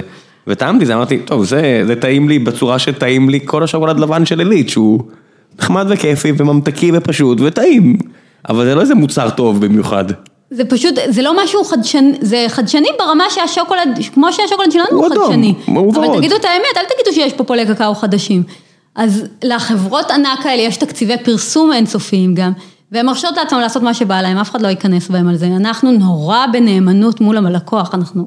האמת שלכם מול כן. הצרכים של הלקוח. וחוץ מהדבר הזה, יש לנו כל הזמן את המחויבות הבירוקרטית והרגולטורית, ש... שהיא אותו דבר, כאילו דורשים מאיתנו בדיוק מה שדורשים ממפעל שמייצר אה, 5,000 טון ביום ושולח לכל העולם.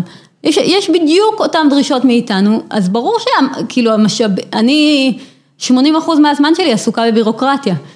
ראיתי שאיילת שקד דיברה עלייך, היו עוד פוליטיקאים שהגיעו ושמעו את סיפורך? היו יום, באה הלשכה של אה, זאב, זאב אלקין, השר לאיכות הסביבה, אז שאלתי אותם, השר גם הגיע, וזה, אמרו לי, הנה הוא יושב פה, פתאום אני רואה אותו. כן, אבל אם... ואז נתתי לו מארז זאב, המארז הזה. כן, היא מחזיקה פה אה, מארז עם אה, ציור של זאב. אה, זאב אלקין גם רצה להיות ראש עיריית ירושלים, זאת היה לו אספירציות להיות יותר מעורב במה שאת עושה, לא, לא צלח אותן כל כך, אבל יש שרים יותר רלוונטיים, לא יודע, נגיד מתן כהנא עכשיו שרץ אה, במסגרת הימין אה, החדש, נראה, איך נקראים היום? הימין החדש. הימין החדש. אז במסגרת הימין החדש, ומתן כהנא רק מדבר על הטיקט בדיוק הזה, הטיקט האידיאולוגי בדיוק של מה שאת אומרת. אז זהו, אני, יש לי כזה, העסק שלי הוא כמו עם השטר המזויף, כל פעם קורה לי איזה נס שמציל אותי. עכשיו בדיוק החלטנו לעשות כל חודש סביב איזשהו טעם מסוים, היה לנו, היה לנו חודש הדובדבן, החקלאי של הדובדבנים היה אמור להגיע, בסוף הוא היה חולה, אז בא הבן שלו, עקיבא נוביק, שהוא כתב בגלי צה"ל, כן. לדבר על הדובדבנים, אחר כך אה, החקלאי של הפסיפלורות הגיע בחודש הפסיפלורה, אה, ועכשיו עשינו חודש השקד ויש לנו יום, אה, יום המרצפן. ובדיוק עם חודש השקד ויום המרצפן, איילת שקד כתבה פוסט מאוד ארוך, כן, אבל היא לא. הזכירה את השם שלי, עוזר, עוז, עוזרת שלה, או עוזר שלה היה אצלי בסדנה שבאתי להרצות לסטודנטים למשפטים לפני שנה, באוניברסיטה העברית, על, הפרופס- על הנושא הזה של, ה- על, ה... על הרגולציה, שפוגעת בעסקים קטנים, הפרופסור שמנחה את, ה, שמנחה את הקורס כל כך התלהב, הוא אמר שנה הבאה אני משיג תקציב, אנחנו באים אלייך לסדנה, היו אצלי בסדנה לפני שבועיים, מסתבר שאחד, ה, שאחד הסטודנטים הוא עוזר של איילת שקד.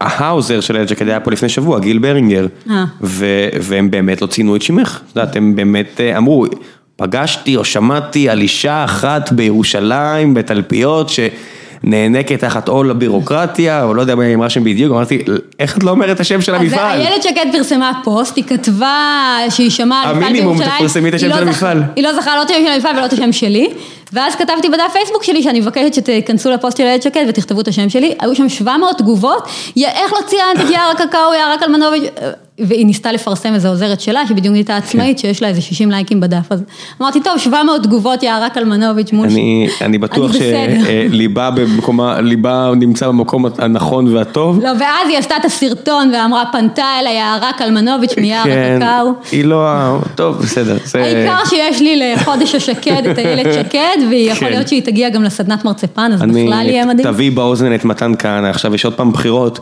כי זה בדיוק הנושאים, את יש, יש דברים שיש ריבים בין ימין לשמאל על כלכלה, והצד שהוא בעד הרגולציה, שהרבה פעמים עושה את זה בצורה נורא עיוורת, עד שהוא לא יושב לשוחח עם בן אדם שסובל מהרגולציה, הוא לא יודע. כמו שאני אומר, לאנשים שרוצים אפס רגולציה, עד שאתה לא שומע באמת שתקנות מכבי אש נבעו באמת משריפות בניו יורק באמת, או מכל מיני מקומות אחרים, שבאמת יש להם הצדקה, זאת אומרת, האמת, כנראה המצב האופטימלי הוא איפשהו בין לבין, אני לא יודע כמה רחוק מכל גדה, אבל יש הצדקה ו- ולא יכול להיות שזה יהיה רק הצד של הרגולציה, כמו שקורה היום. זאת אומרת, לא יכול להיות, זה לא, זה לא הגיוני בעיניי. לא, אני מגלה שהרבה סוציאליסטים פשוט לא מבינים כלום בכלכלה. את אומרת, עזוב מה שאתה אומר, אני אומרת על, אה, אין, הם פשוט לא מבינים. אה, הרבה פעמים דיברתי איתה והסברתי להם את המצב שלנו, וראיתי שהם לא מבינים עד הסוף. לא מבינים, או שלא אכפת להם. אה, לא נראה לי שלא אכפת להם. אני אגיד שלא אכפת להם, הרבה אנשים לא אכפת כי הם אומרים אני קונה את השוקולד שלי מפררו, החבר'ה האיטלקיים האלה מייצרים את כל השוקולדים שכולכם מכירים, אני בסדר עם זה, לא אכפת לי מהיצרן- המקומי.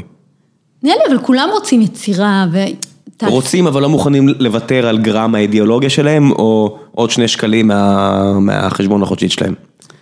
בעיניי הרבה לא מבינים, כאילו, שהמדינה תממן, כאילו קורה איזה אסון, למה המדינה לא משקיעה ב... לא יודעת מה. אבל אה, הם לא מבינים, האמירות האלה זה כמו להגיד תדפיסו כסף, תדפיסו כסף, המדינה מדפיסה עוד כסף ובסוף זה צריך לבוא מאיפשהו. או לגרום למשהו, אתה יודע, להדפיס כסף, אתה יכול גם פשוט להדפיס את הכסף, אבל אתה צריך לדון במה האפקט הכלכלי שהדפסת הכסף הזו יוצרת. כן, זאת אומרת שאם לכולם יהיה המון כסף, מה זה אומר בעצם? כן, כן, ורואים שככל שעוברים יותר דברים לידיים של המדינה, הם מתנהלים פחות טוב. ככל שעוברים יותר דברים לידיים פרטיות, הם מתנהלים יותר טוב. נכון שצריך פיקוח ובקרה וצריך לחשוב איך לעשות אותו. אני מאוד קיצונית בעניין הזה, מבחינתי לבטל את ה... ש- את בצד של אפס רגולציה של אפס. רגולציה, מבחינתי שחברה פרטית תדפיס כסף והכל, אה, שהכל יתנהל בצורה פרטית. אני מודה שבכל הנוגע לשוקולד, כנראה שאני איתך כי, כי אני לא רואה מה הבעיה. זאת אומרת, אני לא רואה מה הנזק שיכול לקרות. במקרה הכי גרוע, הכל חומרים יבשים פה, אז את תעשי איזושהי טעות ויהיה לי מאוד לא טעים, או אני ארגיש שאת לא בסדר, בסדר? אני מניח שזה יכול לקרות. אני, אני מניח שיש מקומות אחרים, כמו עם ביצים אולי, אני לא יודע מה, שהנזק הוא באמת יכול להיות כזה גדול, שאני הייתי רוצה להימנע ממנו, אני לא יודע.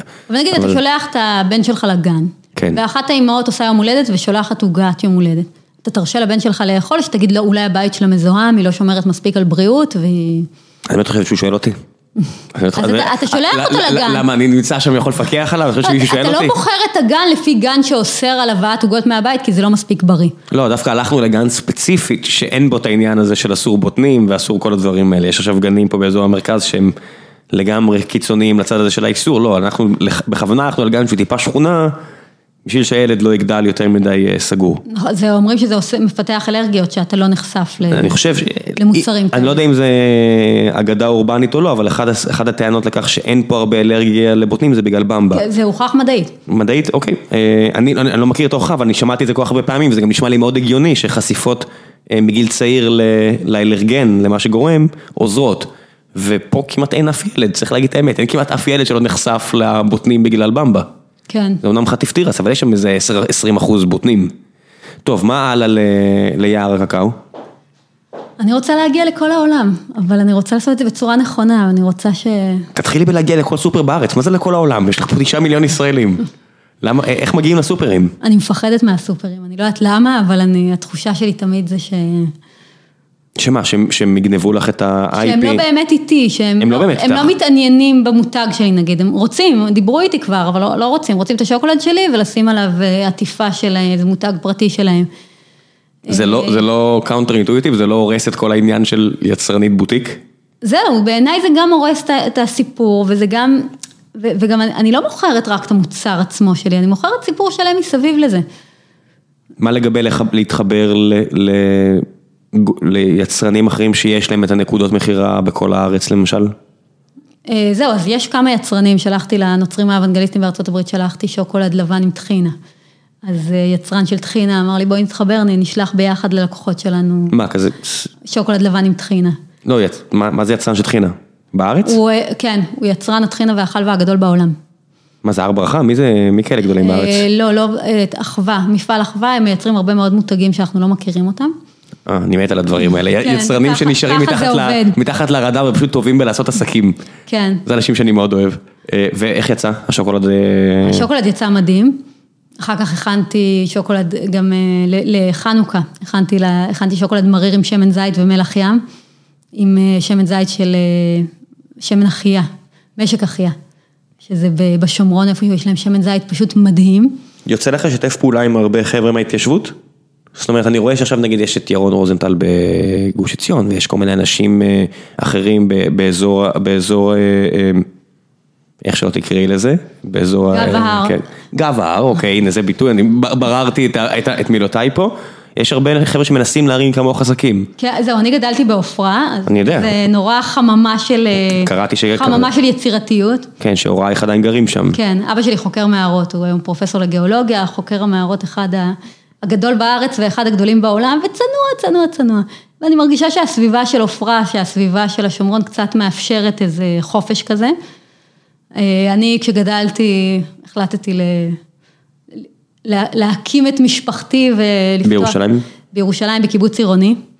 מה זה קיבוץ עירוני? קיבוץ בית ישראל, חבורה של אנשים מדהימים, יוצאי רגע. קיבוצים... אה, אני פה אה, הולך להודות בבורותי לגמרי, מה זה קיבוץ עירוני?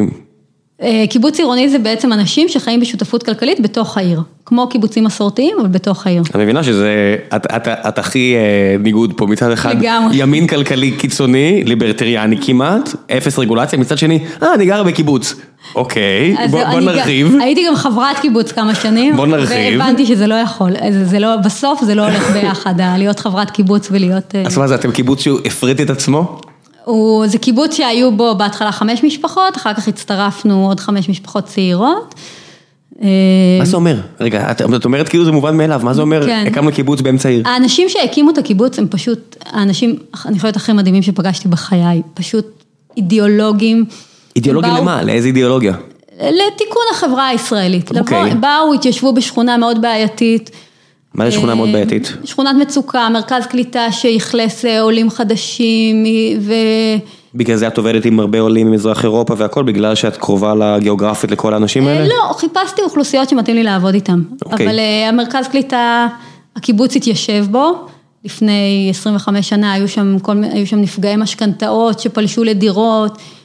מתחם לא פשוט, הגיעו יוצאי קיבוצים אה, מסורתיים, כל מיני, גם דתיים וגם חילוניים. מעין חרוד, מבית השיטה, מקיבוץ סעד, מיבנה. אה, יוצאי והחליטו להקים קיבוצים, קיבוץ והחליטו בתוך להקים העיר? קיבוץ בתוך העיר. מה העיר אומרת על זה? עיריית ירושלים נורא אוהבת אותנו, נורא מעודדת אותנו. זה... את אומרת את זה בסרקזם או בלי? לא, לא, בלי סרקזם. אוקיי. אה, כי אה, באמת, באמת אין, אין אנשים כאלה. מלח הארץ. אז, אז מה, מה מוגדר הקימו כקיבוץ? מכינה קדם צבאית. רגע, רגע, מה מוגדר. כקיבוץ? בדרך כלל קיבוץ זה אזור מגודר, קיבל אדמות מ, מ, מהמדינה, את כל הסיפורים האלה, יש מפעל של הקיבוץ וכו' וכו'. מה מגדיר את הקיבוץ אצלכם? המשפחות האלה נמצאות בשותפות כלכלית, מכניסות את הכסף לקופה משותפת ומקבלות אה, תקציב פחות או יותר שווה לפי מספר ילדים, לפי... ויש בית ילדים ואת כל הדברים האלה שאנחנו מכירים מקיבוצים אחרים? יש לנו מערכת חינוך מאוד ענפה, גני ילדים, עכשיו נכנסנו לבית ספר. אה, משרד החינוך מאשר את זה עם כל הרגולציה שלהם? קשה לו. אני, אני בטוח. הח- כבר היו לנו המון אה, עליות ומורדות, ויש גם תפיסה חינוכית מאוד מאוד אה, מובנית של... אה, של מה? לתת חופש לילדים, מה שאני מאמינה בו בכלכלה, אז אה, מבחינת הילדים לתת להם חופש, ולא, בית ספר לא צריך להיות בית כלא, אלא נורא להיות בתקשורת עם הילדים, ולראות אותם, ולאהוב אותם. ו... איך זה מתחבר לכך שאת מגיעה מאחד המקומות היותר, אה, את צריך להגיד את האמת, האזורים האלה של עופרה ואפרת והכל, זה די אינטל, אינטלקטואלית עכשיו, זאת אומרת, אתה מגיע לאוניברסיטאות, יש המון המון אקדמאים שמגיעים מהמקומות האלו, גם פרופסור אריאל רובינשטיין, שהוא בכלל בצד השני של הקשת הפוליטית, אמר, אין מה לעשות, זה המצב. הוא היה שמח אם זה לא היה, כי הוא בקשת בצד השני לגמרי, אבל זה המצב. איך כל האווירה החופשית, ההיפית הזאת של קיבוץ מתיישבת עם העובדה שאת מגיעה ממקום כל כך הישגי? זה נורא דומה, האמת שיש איזה, אני תמיד מרגישה שעופרה ובית ישראל, שזה הקיבוץ שאני גרה בו, יש המון דמיון בין האנשים, אבל פשוט, אבל 180 מעלות. כאילו אצלנו בקיבוץ שלנו כולם כאלה נורא שמאלנים, מצביעי מפלגת העבודה, מסורתיים כאלה. קיבוצניקים. בעופרה, כן.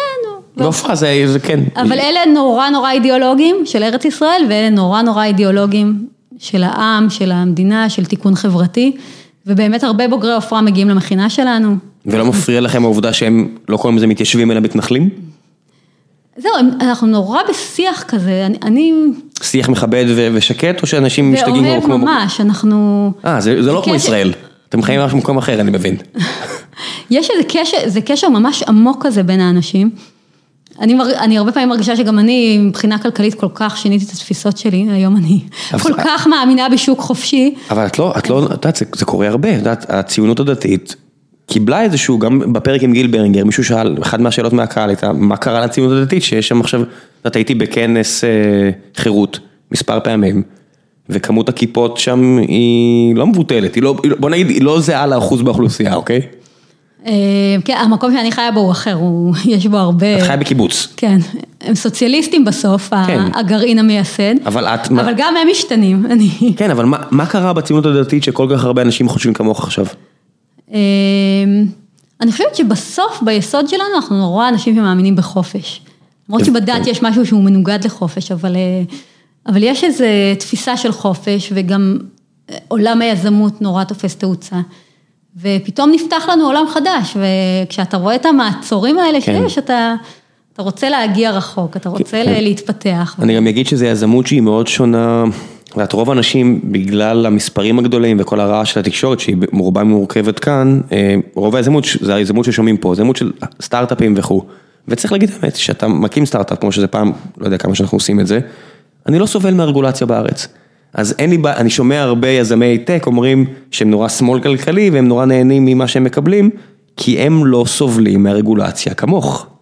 צריך להגיד את האמת, הם בעיקר נהנים ממנה, או בכלל לא מרגישים בקיומה, לא לטוב ולא לרע. אז זהו, ישראל... יזמות עסקית כמו שלך, היא הרבה יותר קשורה לרגולטור. נכון, ישראל הפ- הפנימה את הדבר הזה שתמיכה בחברות הייטק תצמיח את המשק, היא עדיין לא הפנימה את זה שתמיכה ביצרנים קטנים, שתמיכה ביצרנים בכלל גם כן תצמיח עוד יותר, זה עזבי תמיכה. בהייטק, הם לא מפריעים להייטק. הם, אני לא יודע, אני, אני לא לא רק מרגיש לא שקיבלתי. מפריעים, יש המון מענקים, יש המון... אה, כן, לא פה, באזור ירושלים אני מבין, פה בגלל שיש כל כך הרבה וכל כך מצליח, אז ב, ב, הדבר היחידי שאני יכול להגיד שקיבלנו, וזה, שוב, אנחנו עושים את זה כבר לא מעט שנים, את הסיפור הזה, זה שלא מפריעים לנו.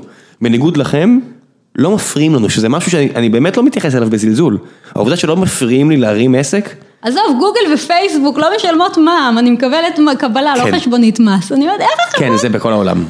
זה בכל העולם. זה, זה, אבל זה לא, זה לא באים לטובתם, הם פשוט חזקים מדי. זה, זה הרמי לויז של העולם שלנו, אין מה לעשות. הם לא שמים על אף אחד. כן. אמ, אני חושבת שכשיהיה איזה שינוי, שהחברה כולה תבין, שזה פשוט, זה, זה משאיר אותנו אחורה. ה-40 שנה אחורה, זה, זה בגלל הדבר הזה, זה בגלל שנכנסים, ב, הייתי, הייתי באיטליה, שם בכל פינת רחוב, גלידריה קטנה, חנות שוקולד קטנה, מאפייה קטנה, מקום נורא נורא קטן שמייצר במקום עוגות ומוכר, שמייצר במקום גלידה ומוכר, שמייצר במקום שוקולד ומוכר. והמדינה צריכה להבין שהדברים האלה, ליצור, לאפשר יצירת מפעלים בכל הגדלים, בכל הצורות, לאפשר מקומות ממש קטנים שמוכרים במקום, ואז הם לא צריכים בכלל את כל הרגולציה המטורפת הזאת. כן. ולאפשר ולהיות, אז עזוב, אני לא מבקשת, לא מענקים ולא תמיכה, רק תהיו יפריעו לך. איתנו, תראו כן. אותנו, תראו כמה טוב אנחנו רוצים לעשות בעולם, זה לא מאינטרס פרטי שלנו, אנחנו לא רוצים להרעיל לאף אחד, אנחנו לא רוצים לפגוע ב, בשום דבר, אנחנו כמו אימא שמכינה עוגה לילד שלה בגן. אתם, רוצ... אני, אני חושב שזה הרבה מהחוקים מגיעים מהיצרנים הגדולים שהם לא כמו אימא שרוצה להכין עוגה לילד בגן, הם מבחינתם אם יש משהו שהוא תחליף לקקאו שאולי קצת מזיק אבל אף אחד לא ידע מזה, כמו שאת רואה שהאמת היא לא בדיוק נר לרגליהם, אז הם כנראה יעשו את זה. וזה מה- הרגולטור כאילו מטפל בהם ועל הדרך גורף אתכם איתם בחוקים. אני מרגישה שהוא עושה הפוך, כאילו מי שיש לו ותק, מי שנכנס כבר למערכת, קיבל את הרישיון לפני 50 שנה, לפני קום המדינה, האליטים של העולם, אז כן. אף אחד לא יתערב לו, אף אחד לא ייקח לו פתאום את הרישיון, גם מה נעשה, כאילו, ייקחו את הרישיון משטראוס.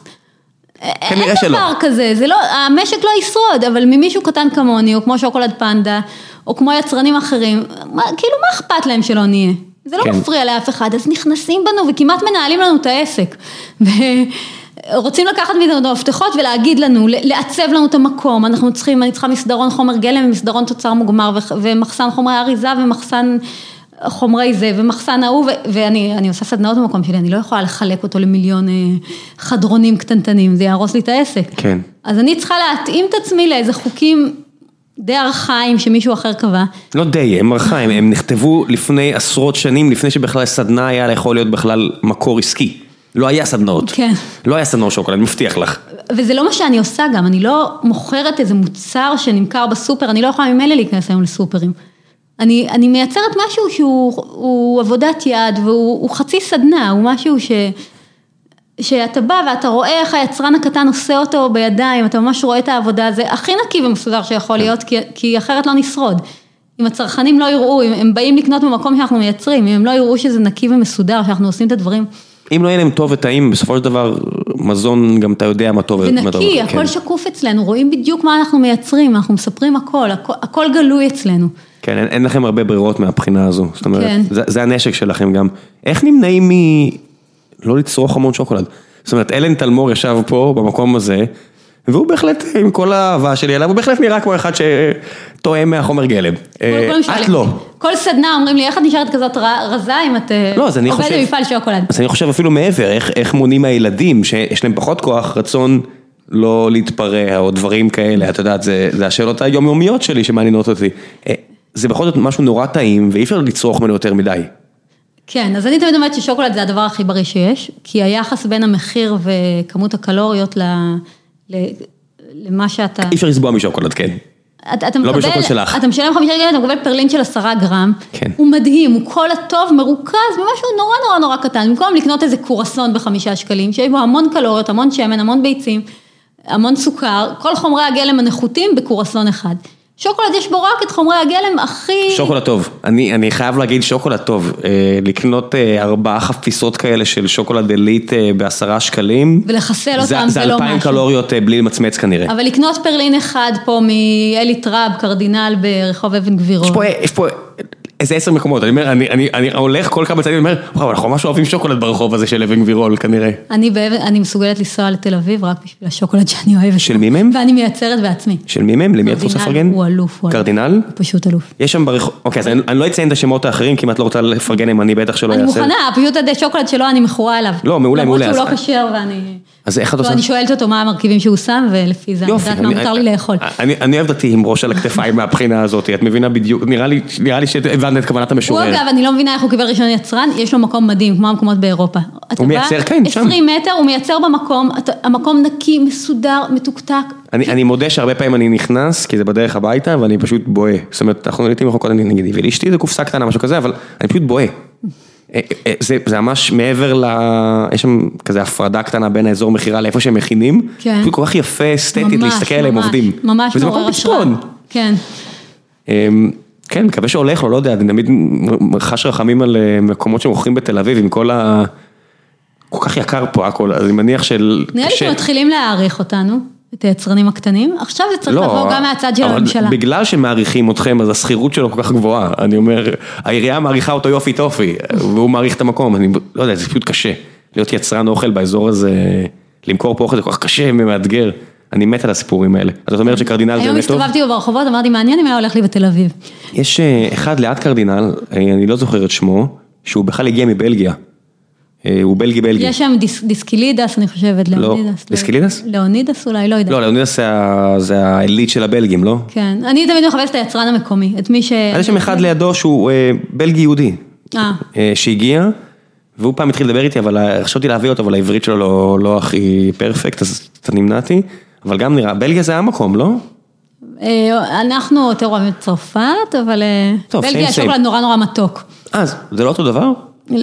צרפת יותר... אה, מה ההבדלים אה, תרבותיים, זאת אומרת, בין לבין? בעולם, לא יודע, מה, יש אסכולות של שוקולד?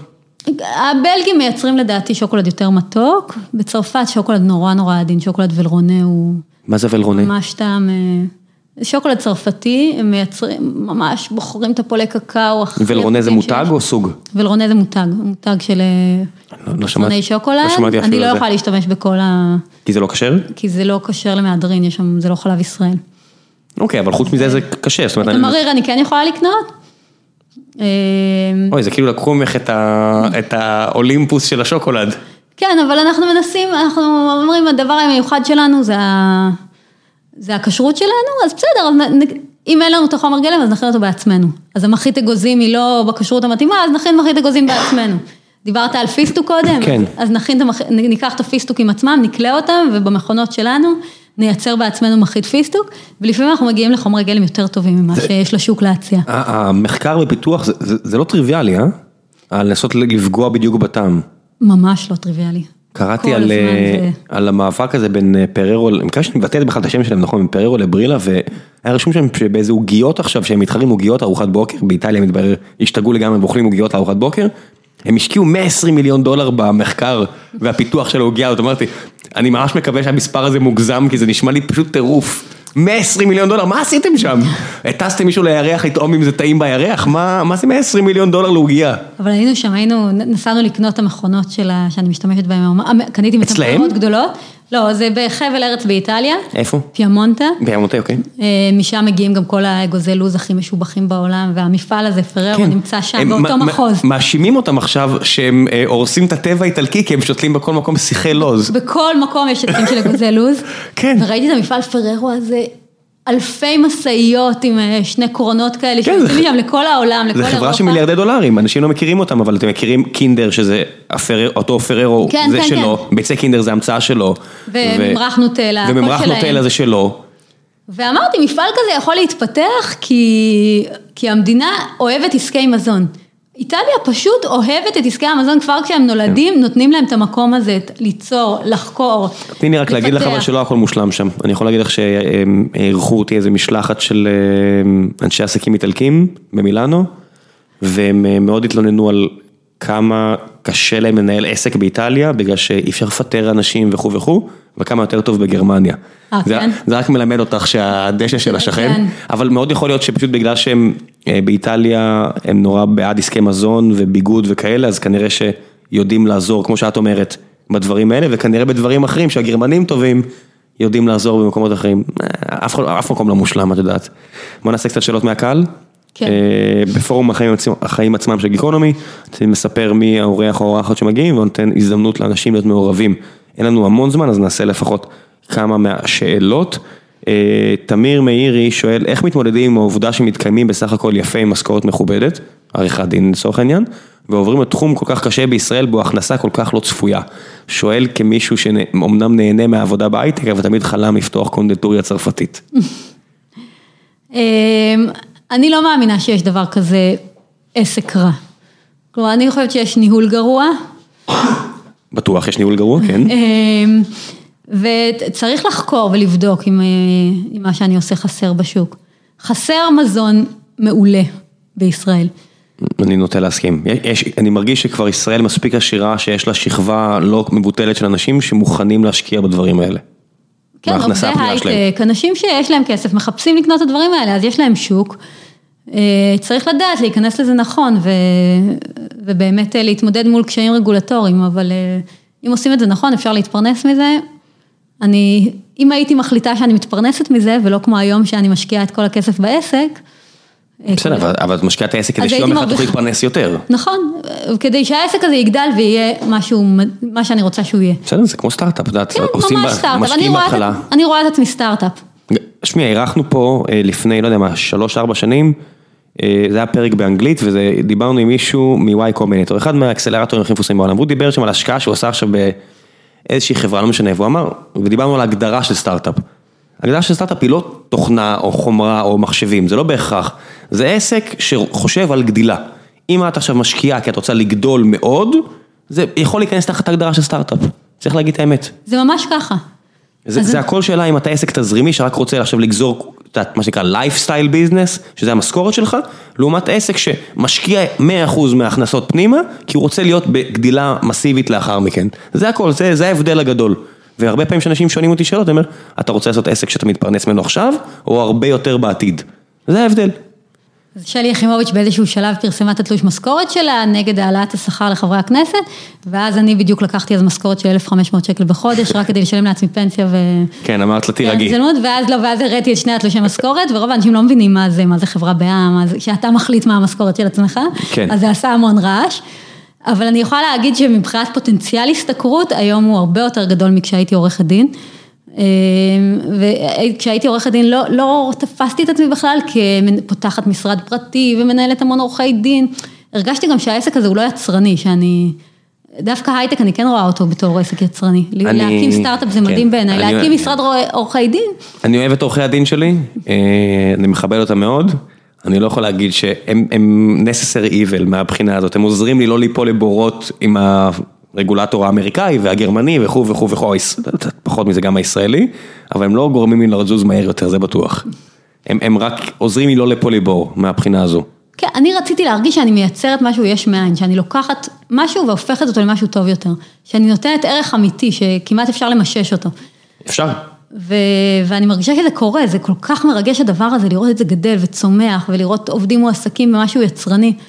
אין דבר יותר מרגש מזה. עידו שבח קליין שואל, אמ, הוא כנראה שמע אותך אומר, זכור לי שאת מאוד ימנית בדעותייך הכלכליות, אכן, איך זה מסתדר עם העובדה שלמדת עבודה סוציאלית? הוא אומר, שמעתי, אה, הוא אומר עלייך, שמעתי ממנה גם פעם את התשובה, אבל אני לא זוכר אותה. אה, לא למדתי עבודה סוציאלית, למדתי משפטים, אבל תמיד הייתי אומרת על עצמי שאני עורכת דין עם נשמה של עובדת סוציאלית, או עורכת דין עם שכר של עובדת סוציאלית, עבדתי הרבה בארגונים חברתיים. אני מאוד רגישה לאוכלוסיות מוחלשות, לעניינים חברתיים, אבל, אה, אבל הבנתי שהדרך לקדם גם את האוכלוסיות האלה, היא לא דרך אה, התערבות ממשלתית, אלא דרך חופש, דרך פתיחת השוק, דרך עידוד של האוכלוסיות האלה, להקים מיזמים, לעבוד, להתפרנס, לא דרך עולם של קצבאות שגורם לאנשים פחות לעבוד. אז גם התפיסה החברתית שלי מתחברת לתפיסה הימנית כלכלית. אוקיי, okay. אה, האם יש סיכוי לייצר שוקולד בלי סוכר או תחליפי סוכר דולב בין... אה... אהרון שואל, אני חושב שענית על זה, שיש. כן, כן, כן, אנחנו מייצרים שוקולד 100% מוצקי קקאו, רק עם חמת קקאו ועיסת קקאו, ואנחנו מנסים לפתח שוקולד לבן בלי סוכר. כלומר שיהיה בו, כמו שאמרתי על השוקולד עם ה-20% סוכר, לעשות בלי סוכר בכלל. וזה אח... יקרה, אני מקווה שבקרוב נצליח לייצר אני... שוקולד כזה וגם טעים. אני אשמח, אה, אני מאלה שכן בכל זאת מנסים להסתכל על כמות הסוכר שהם צורכים, זה קשה, אבל... אה, את יודעת, it is what it is. אחז ישראלי שואל, דבר ראשון, אני ממש מתרגש. דבר שני, איך את מצליחה לעבוד במקום כזה עם חומרי גלם בלי שרזה, כמו שאמרת, שואלים אותך. ודבר שלישי, תודה על סדנת הסוויט תרתי משמע סקסטין שעשית לבת שלי. אז יש פה הרבה אנשים שנהנים ממוצרייך והסדנאות שלך. אה, שאלו פה גם על אה, הטבות מס. האם את מקבלת הטבות מס בגלל שאת גרה בעופרה, ואם כן, מה דעתך על כך שבאזורים אחרים אין את הטבות המס האלו? אין אגב, אין הטבות מס. ראיתי שענית, אני כן. מכיר את השאלה שוב. אז תעני. אמ, אין, אני לא גר בעופרה, אני גר בירושלים. ההורים שלי גרים בעופרה, משלמים המון המון מיסים, אין להם שום הטבות מס, הם פשוט אוהבים לחיות בעופרה. באמת חיים שם, גרים שם אנשים מדהימים. זה לא סתם שהדור שלנו, שכל הזמן רואים את הדתיים הלאומיים בכל מקום, מה ששאלת אותי קודם. כן. באמת אנשים שגדלו בתוך עולם אידיאולוגי, עולם של אנשים שאכפת להם אחד מהשני. אמ, ו... והם חיים את זה, והם מביאים את זה גם לדור שלנו, ובאמת מובילים, הרבה פעמים בתקשורת, עמית סגל גר אה, שני רחובות מעליי. אה, גם מעל הקיבוץ? שכן שלו זה עקיבא נובי, לא בקיבוץ, בעופרה. אמרתי, אה, בעופרה, אוקיי. כן. אה, הוא עדיין שם? עמית היום גר במודיעין. כן, זהו, אני זכרתי שהוא איזה... אשתו והילדים היו אצלי בסדנה. אני זוכר שזה משהו כזה בורגני כזה, לא... כן. אה, אוריאל אופיר, אה, מה דעתך על המילה מוחלשים? אני אישית לא אוהב, הוא אומר, אני אישית לא אוהב את המילה מוחלשים, קובעים עובדה כאילו כל חלש הוא קורבן של איזה חזק שהחליט להתעלל בו. אה, טוב, חינכו אותי, עשיתי שתי קליניקות באוניברסיטה העברית, באמת, ב... עם תפיסות מאוד מסוימות, ו... אני השתניתי מאז, אבל הדבר הזה של אוכלוסיות מוחלשות אה, מאוד נכנס לי עמוק לתודעה. אה, אני חושבת שאנשים לא באים חלשים מראש, אבל באמת הם הרבה פעמים איזשהו קורבן של נסיבות ש... ש... שחיו בהם. אני לא מאשימה מישהו בזה שאנשים במצב מסוים, אבל אני כן חושבת שהם לא מוחלשים בגלל עצמם, שהם באו עם משהו פגום מראש. ושאנחנו כן צריכים למצוא את הדרכים אה, לשלב עוד ועוד אוכלוסיות, לתת להם, לתת, לאפשר להתפרנס, שמי שיש לו יותר כוח, לתת לאוכלוסיות יותר חלשות או מוחלשות לחדור פנימה. את כן עוזרת אפילו בעסק שלך. אני בעסק שלי, אני מעסיקה עולים חדשים, אני מעסיקה נערות בסיכון. כמה עובדים יש לכם? מה זה? אה, יש לנו עכשיו 11 עובדים. וואו, כל הכבוד, 11 עובדות. כן. שזה, לדעתי יש מספיק עסקים עם עובדים, אז בוא נגיד, 11 עובדות, אני, אני פחות אוהב את הטריקים האלה של מרב מיכאלי, אבל ב-11 עובדות, זה 11 עובדות? כן, כן, נכון. חמש עובדות במשרות מלאות, ועוד אה, שישה נערים שבאים, עוזרים לנו עם ההזמנות הגדולות, שעכשיו זה ממש אה, מה, משלוחים? כל חודשיים. עכשיו יש לנו הזמנה גדולה, יש לנו טון וחצי שאנחנו שולחים לארצות הברית, עוד שבועיים זה. צריך להיות מוכן, אני לא רועדת מזה כל הדרך. איך זה לעבוד עם? אה, איך זה לעבוד עם טלוויס? זה לא קל מבחינת זה שדורשים מאיתנו משלוחים באותו יום. זה מה שרציתי לשאול, איך עסק קטן מחזיק עם העניין של המשלוחים? זה העובדות שלי תמיד רוצות להרוג אותי, שאני אני יוצאת לעשות את רוב המשלוחים בעצמי. מה? אה, כמו שעמוס שוקן מחלק עיתונים, השתגעתם? כן. מה, מה נסגר? הפעם עבדתי עם יועצת ארגונית, היא אומרת לי, את מבינה שלקוח מתקשר אליך ורוצה להזמין חבילת שוקולד, זה כמו שהתקשרו למנכ"ל עילית להזמין מקופלת. זה כמו שעמוס שוקן מחלק עיתונים, אני אומר לך, אני, אני, אני נתקלתי בתופעה הזאת, אני מבין שהעסק חשוב לליבך, אבל זה באמת הזמן, השימוש הכי טוב בזמנך? ממש לא. אז אנחנו מנסים לפתור את זה, מצאנו כמה סטודנטים באוניברסיטה שמוכנים על הדרך לעשות לנו את המשלוחים, ואנחנו משלמים להם כמה מאות שקלים בחודש רק אה, לממן את הביטוח לאומי ואת... בוודאי. אה, ויש לנו חברת, יש לנו חברת שליחויות שיטה, שלוקחים את כל הם ההזמנות אדירים, באתר. הם אדירים. אני, מדהים. אני, אני לא יודע ממתי הם קיימים, אבל הזמנו, בדיוק עכשיו אמרתי, אני- אין לי בעיה לפרגן להם, הזמנו אה, צלחות שלא נשברות. קורנינג, קורל, כן. אוקיי, הנה בבקשה, כל הנשים מתברר יודעות, אה, אני הכרתי את זה רק עכשיו, ובאמת בדקתי את זה, הבן שלי באמת זרק על הרצפה ואכן לא נשבר, והזמנו את זה מאמזון כי זה חצי מחיר מישראל ומשלוח חינם מתברר, אני לא יודע מה הם עושים, אבל שיהיה לבריאות, וצ'יטה פשוט שמו לי את זה ליד הדלת, כאילו אנחנו בקליפורניה. זה אז שירות ממש מדהים. חברה טובה, העניין היחיד זה שלוקח להם לפחות 24 שעות, כלומר בא, יש לנו שליח שלנו שעובד בתלפיות, הוא מגיע, לוקח את החבילה, מביא אותה למחסן, למחרת היא יוצאת ל... את אומרת למקום 24 שעות. כאילו זה בעייתי, זה זה הרבה זמן? זה מדהים 24 שעות, אבל תנביס? לא עובדים ככה, תנביס זה כאילו מסעדות. אה, ואז תן לי. אתה מזמין אוכל למסעדה, הוא צריך להגיע לך באותו יום. עכשיו אנחנו לא מסעדה, אנחנו מפעל שוקולד. בכלל זה שאנחנו בטנביס זה כזה קצת מתחת לרדאר. הלקוחות של טנביס מתים שנהיה שם, רוצים להזמין אז מאיתנו. הנה, עכשיו אתם כן. אבל אין לנו אפשרות לכתוב נגיד באתר של טנביס שאנחנו לא יכולים להביא את הדברים באותו יום. אז יש את הלקוחות שכבר מכירים אותנו ויודעים שאתם צוברים, אני- ואז אנחנו שולחים יש לכם. עכשיו לפחות עשרת אלפים אנשים עם תן ביס, אני מהמר ששומעים אותך עכשיו, כל מי שיש לו עכשיו תן ביס יכול להזמין ממך? לכל יכול הארץ? להזמין ממני שייצור איתנו קשר ונסביר לו איך יהיה המשלוח. איך איך יוצרים איתך קשר? אפשר להתקשר למשרד, אפשר לכתוב מייל. את תשאירי לי פרטים ואני אשים בדף של הפרק? גם אם כותבים בגוגל יער הקקאו מיד מוצאים. אה, מעולה, אז זה נראה לי הדבר הכי חשוב שעשינו בפרק הזה, אנשים שיבינו שאם יש להם תן ביס וזה הרבה מכם סטטיסטית, אז אתם יכולים להזמין מיער הקקאו וזה יגיע אליכם ואם תזמינו ותדברו באיחור איתנו, אופנתי של 24 שעות. אם תזמינו. ותדברו איתנו, אז גם נפתח אזורים נוספים, כמו המרכז, שאני לא יודעת איך זה פתוח וכמה זה פתוח, אבל אנחנו יכולים לפתוח את זה רשמית, אם נדע שיש לנו לקוחות שרוצים. אבל כבר עכשיו זה יכול להגיע. כן, כן, כרגע אנשים אה, כאילו משתמשים בטנביס בתור אמצעי תשלום. אבל הזמנה כמו עם מסעדה באפליקציה של טנביס זה אולי יותר בעייתי, אולי זה לא פתוח, אני לא בטוחה כמה זה פתוח מעולה, חברים. יוזמה אישית, אה, אחריות אישית קדימה, תעשו את הטלפונים שצריך, תפסיקו לצרוך אה, שוקולד נחות ויער הקקאו. שגו לי את השכל עם טנביס, אתם מוזמנים. איזה טעות עשית פה, איזה טעות. אני, אני מרגיש שעשית טעות, אבל בסדר. לא, אה, חבר'ה, תשגעו לה את השכל, שתוכיחו שהפרסום בפודקאסטים עובד- תשגעו לה את השכל. זה הלקוחות שלנו, כן.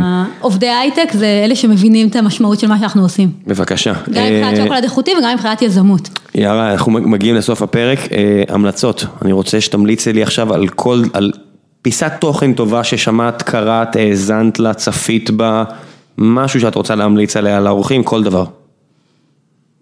אה, הייתי צריך להזהיר אותך, אני יודע, ויש יש מאזין ששולח לי תזכורת להזכיר, ועדיין פספסתי.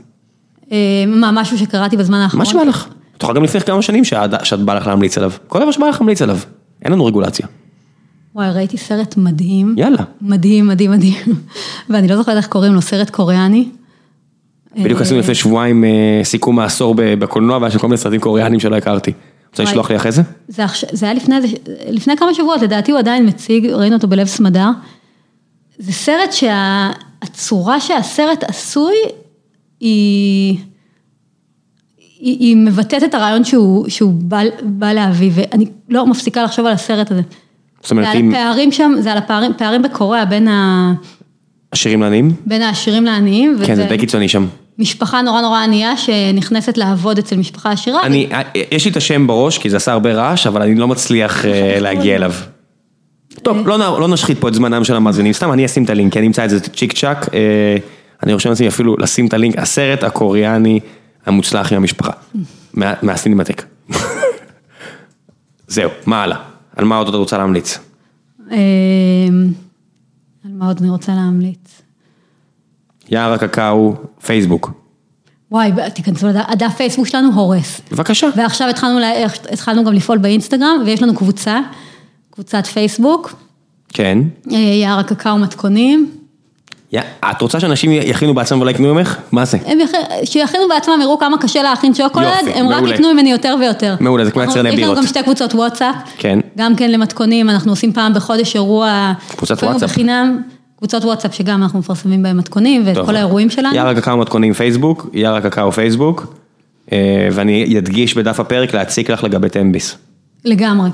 מעולה. עוד משהו? אה, זהו, שיתמכו ב... כל היצרנים... די עם הרגולציה במדינת ישראל. אם, אם זה יבוא מהציבור לתמוך ביצרנים קטנים, זה כבר יבוא לבד. לדעתי הרגולציה תשתנה, אם הקהל אה, ימשוך קדימה. תשמעי, יש אם לך עכשיו... נחפש את הדברים כן. המיוחדים, אני ממש משקיעה בזה. גם מי שאין לו משלוחים, אני אומרת, אני, אני אשלח בעצמי, אני אזמין צ'יטה לעצמי.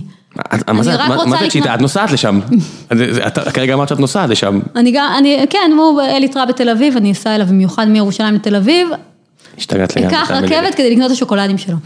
אפילו פה, האוטו שלך התקלקל בבוקר, היא בקלות גרבה יכולה להגיד לי, מבוטל, אך לא עשית זאת, עלית לקו החדש והנוצץ בין ירושלים לתל אביב, שמשום מה מסתיים ברכבת ההגנה, מישהו לא חשב על זה לעומק, אבל בסדר, אה, גיאוגרפיה כנראה מחליטה גם החלטות, אה, עולם אמיתי.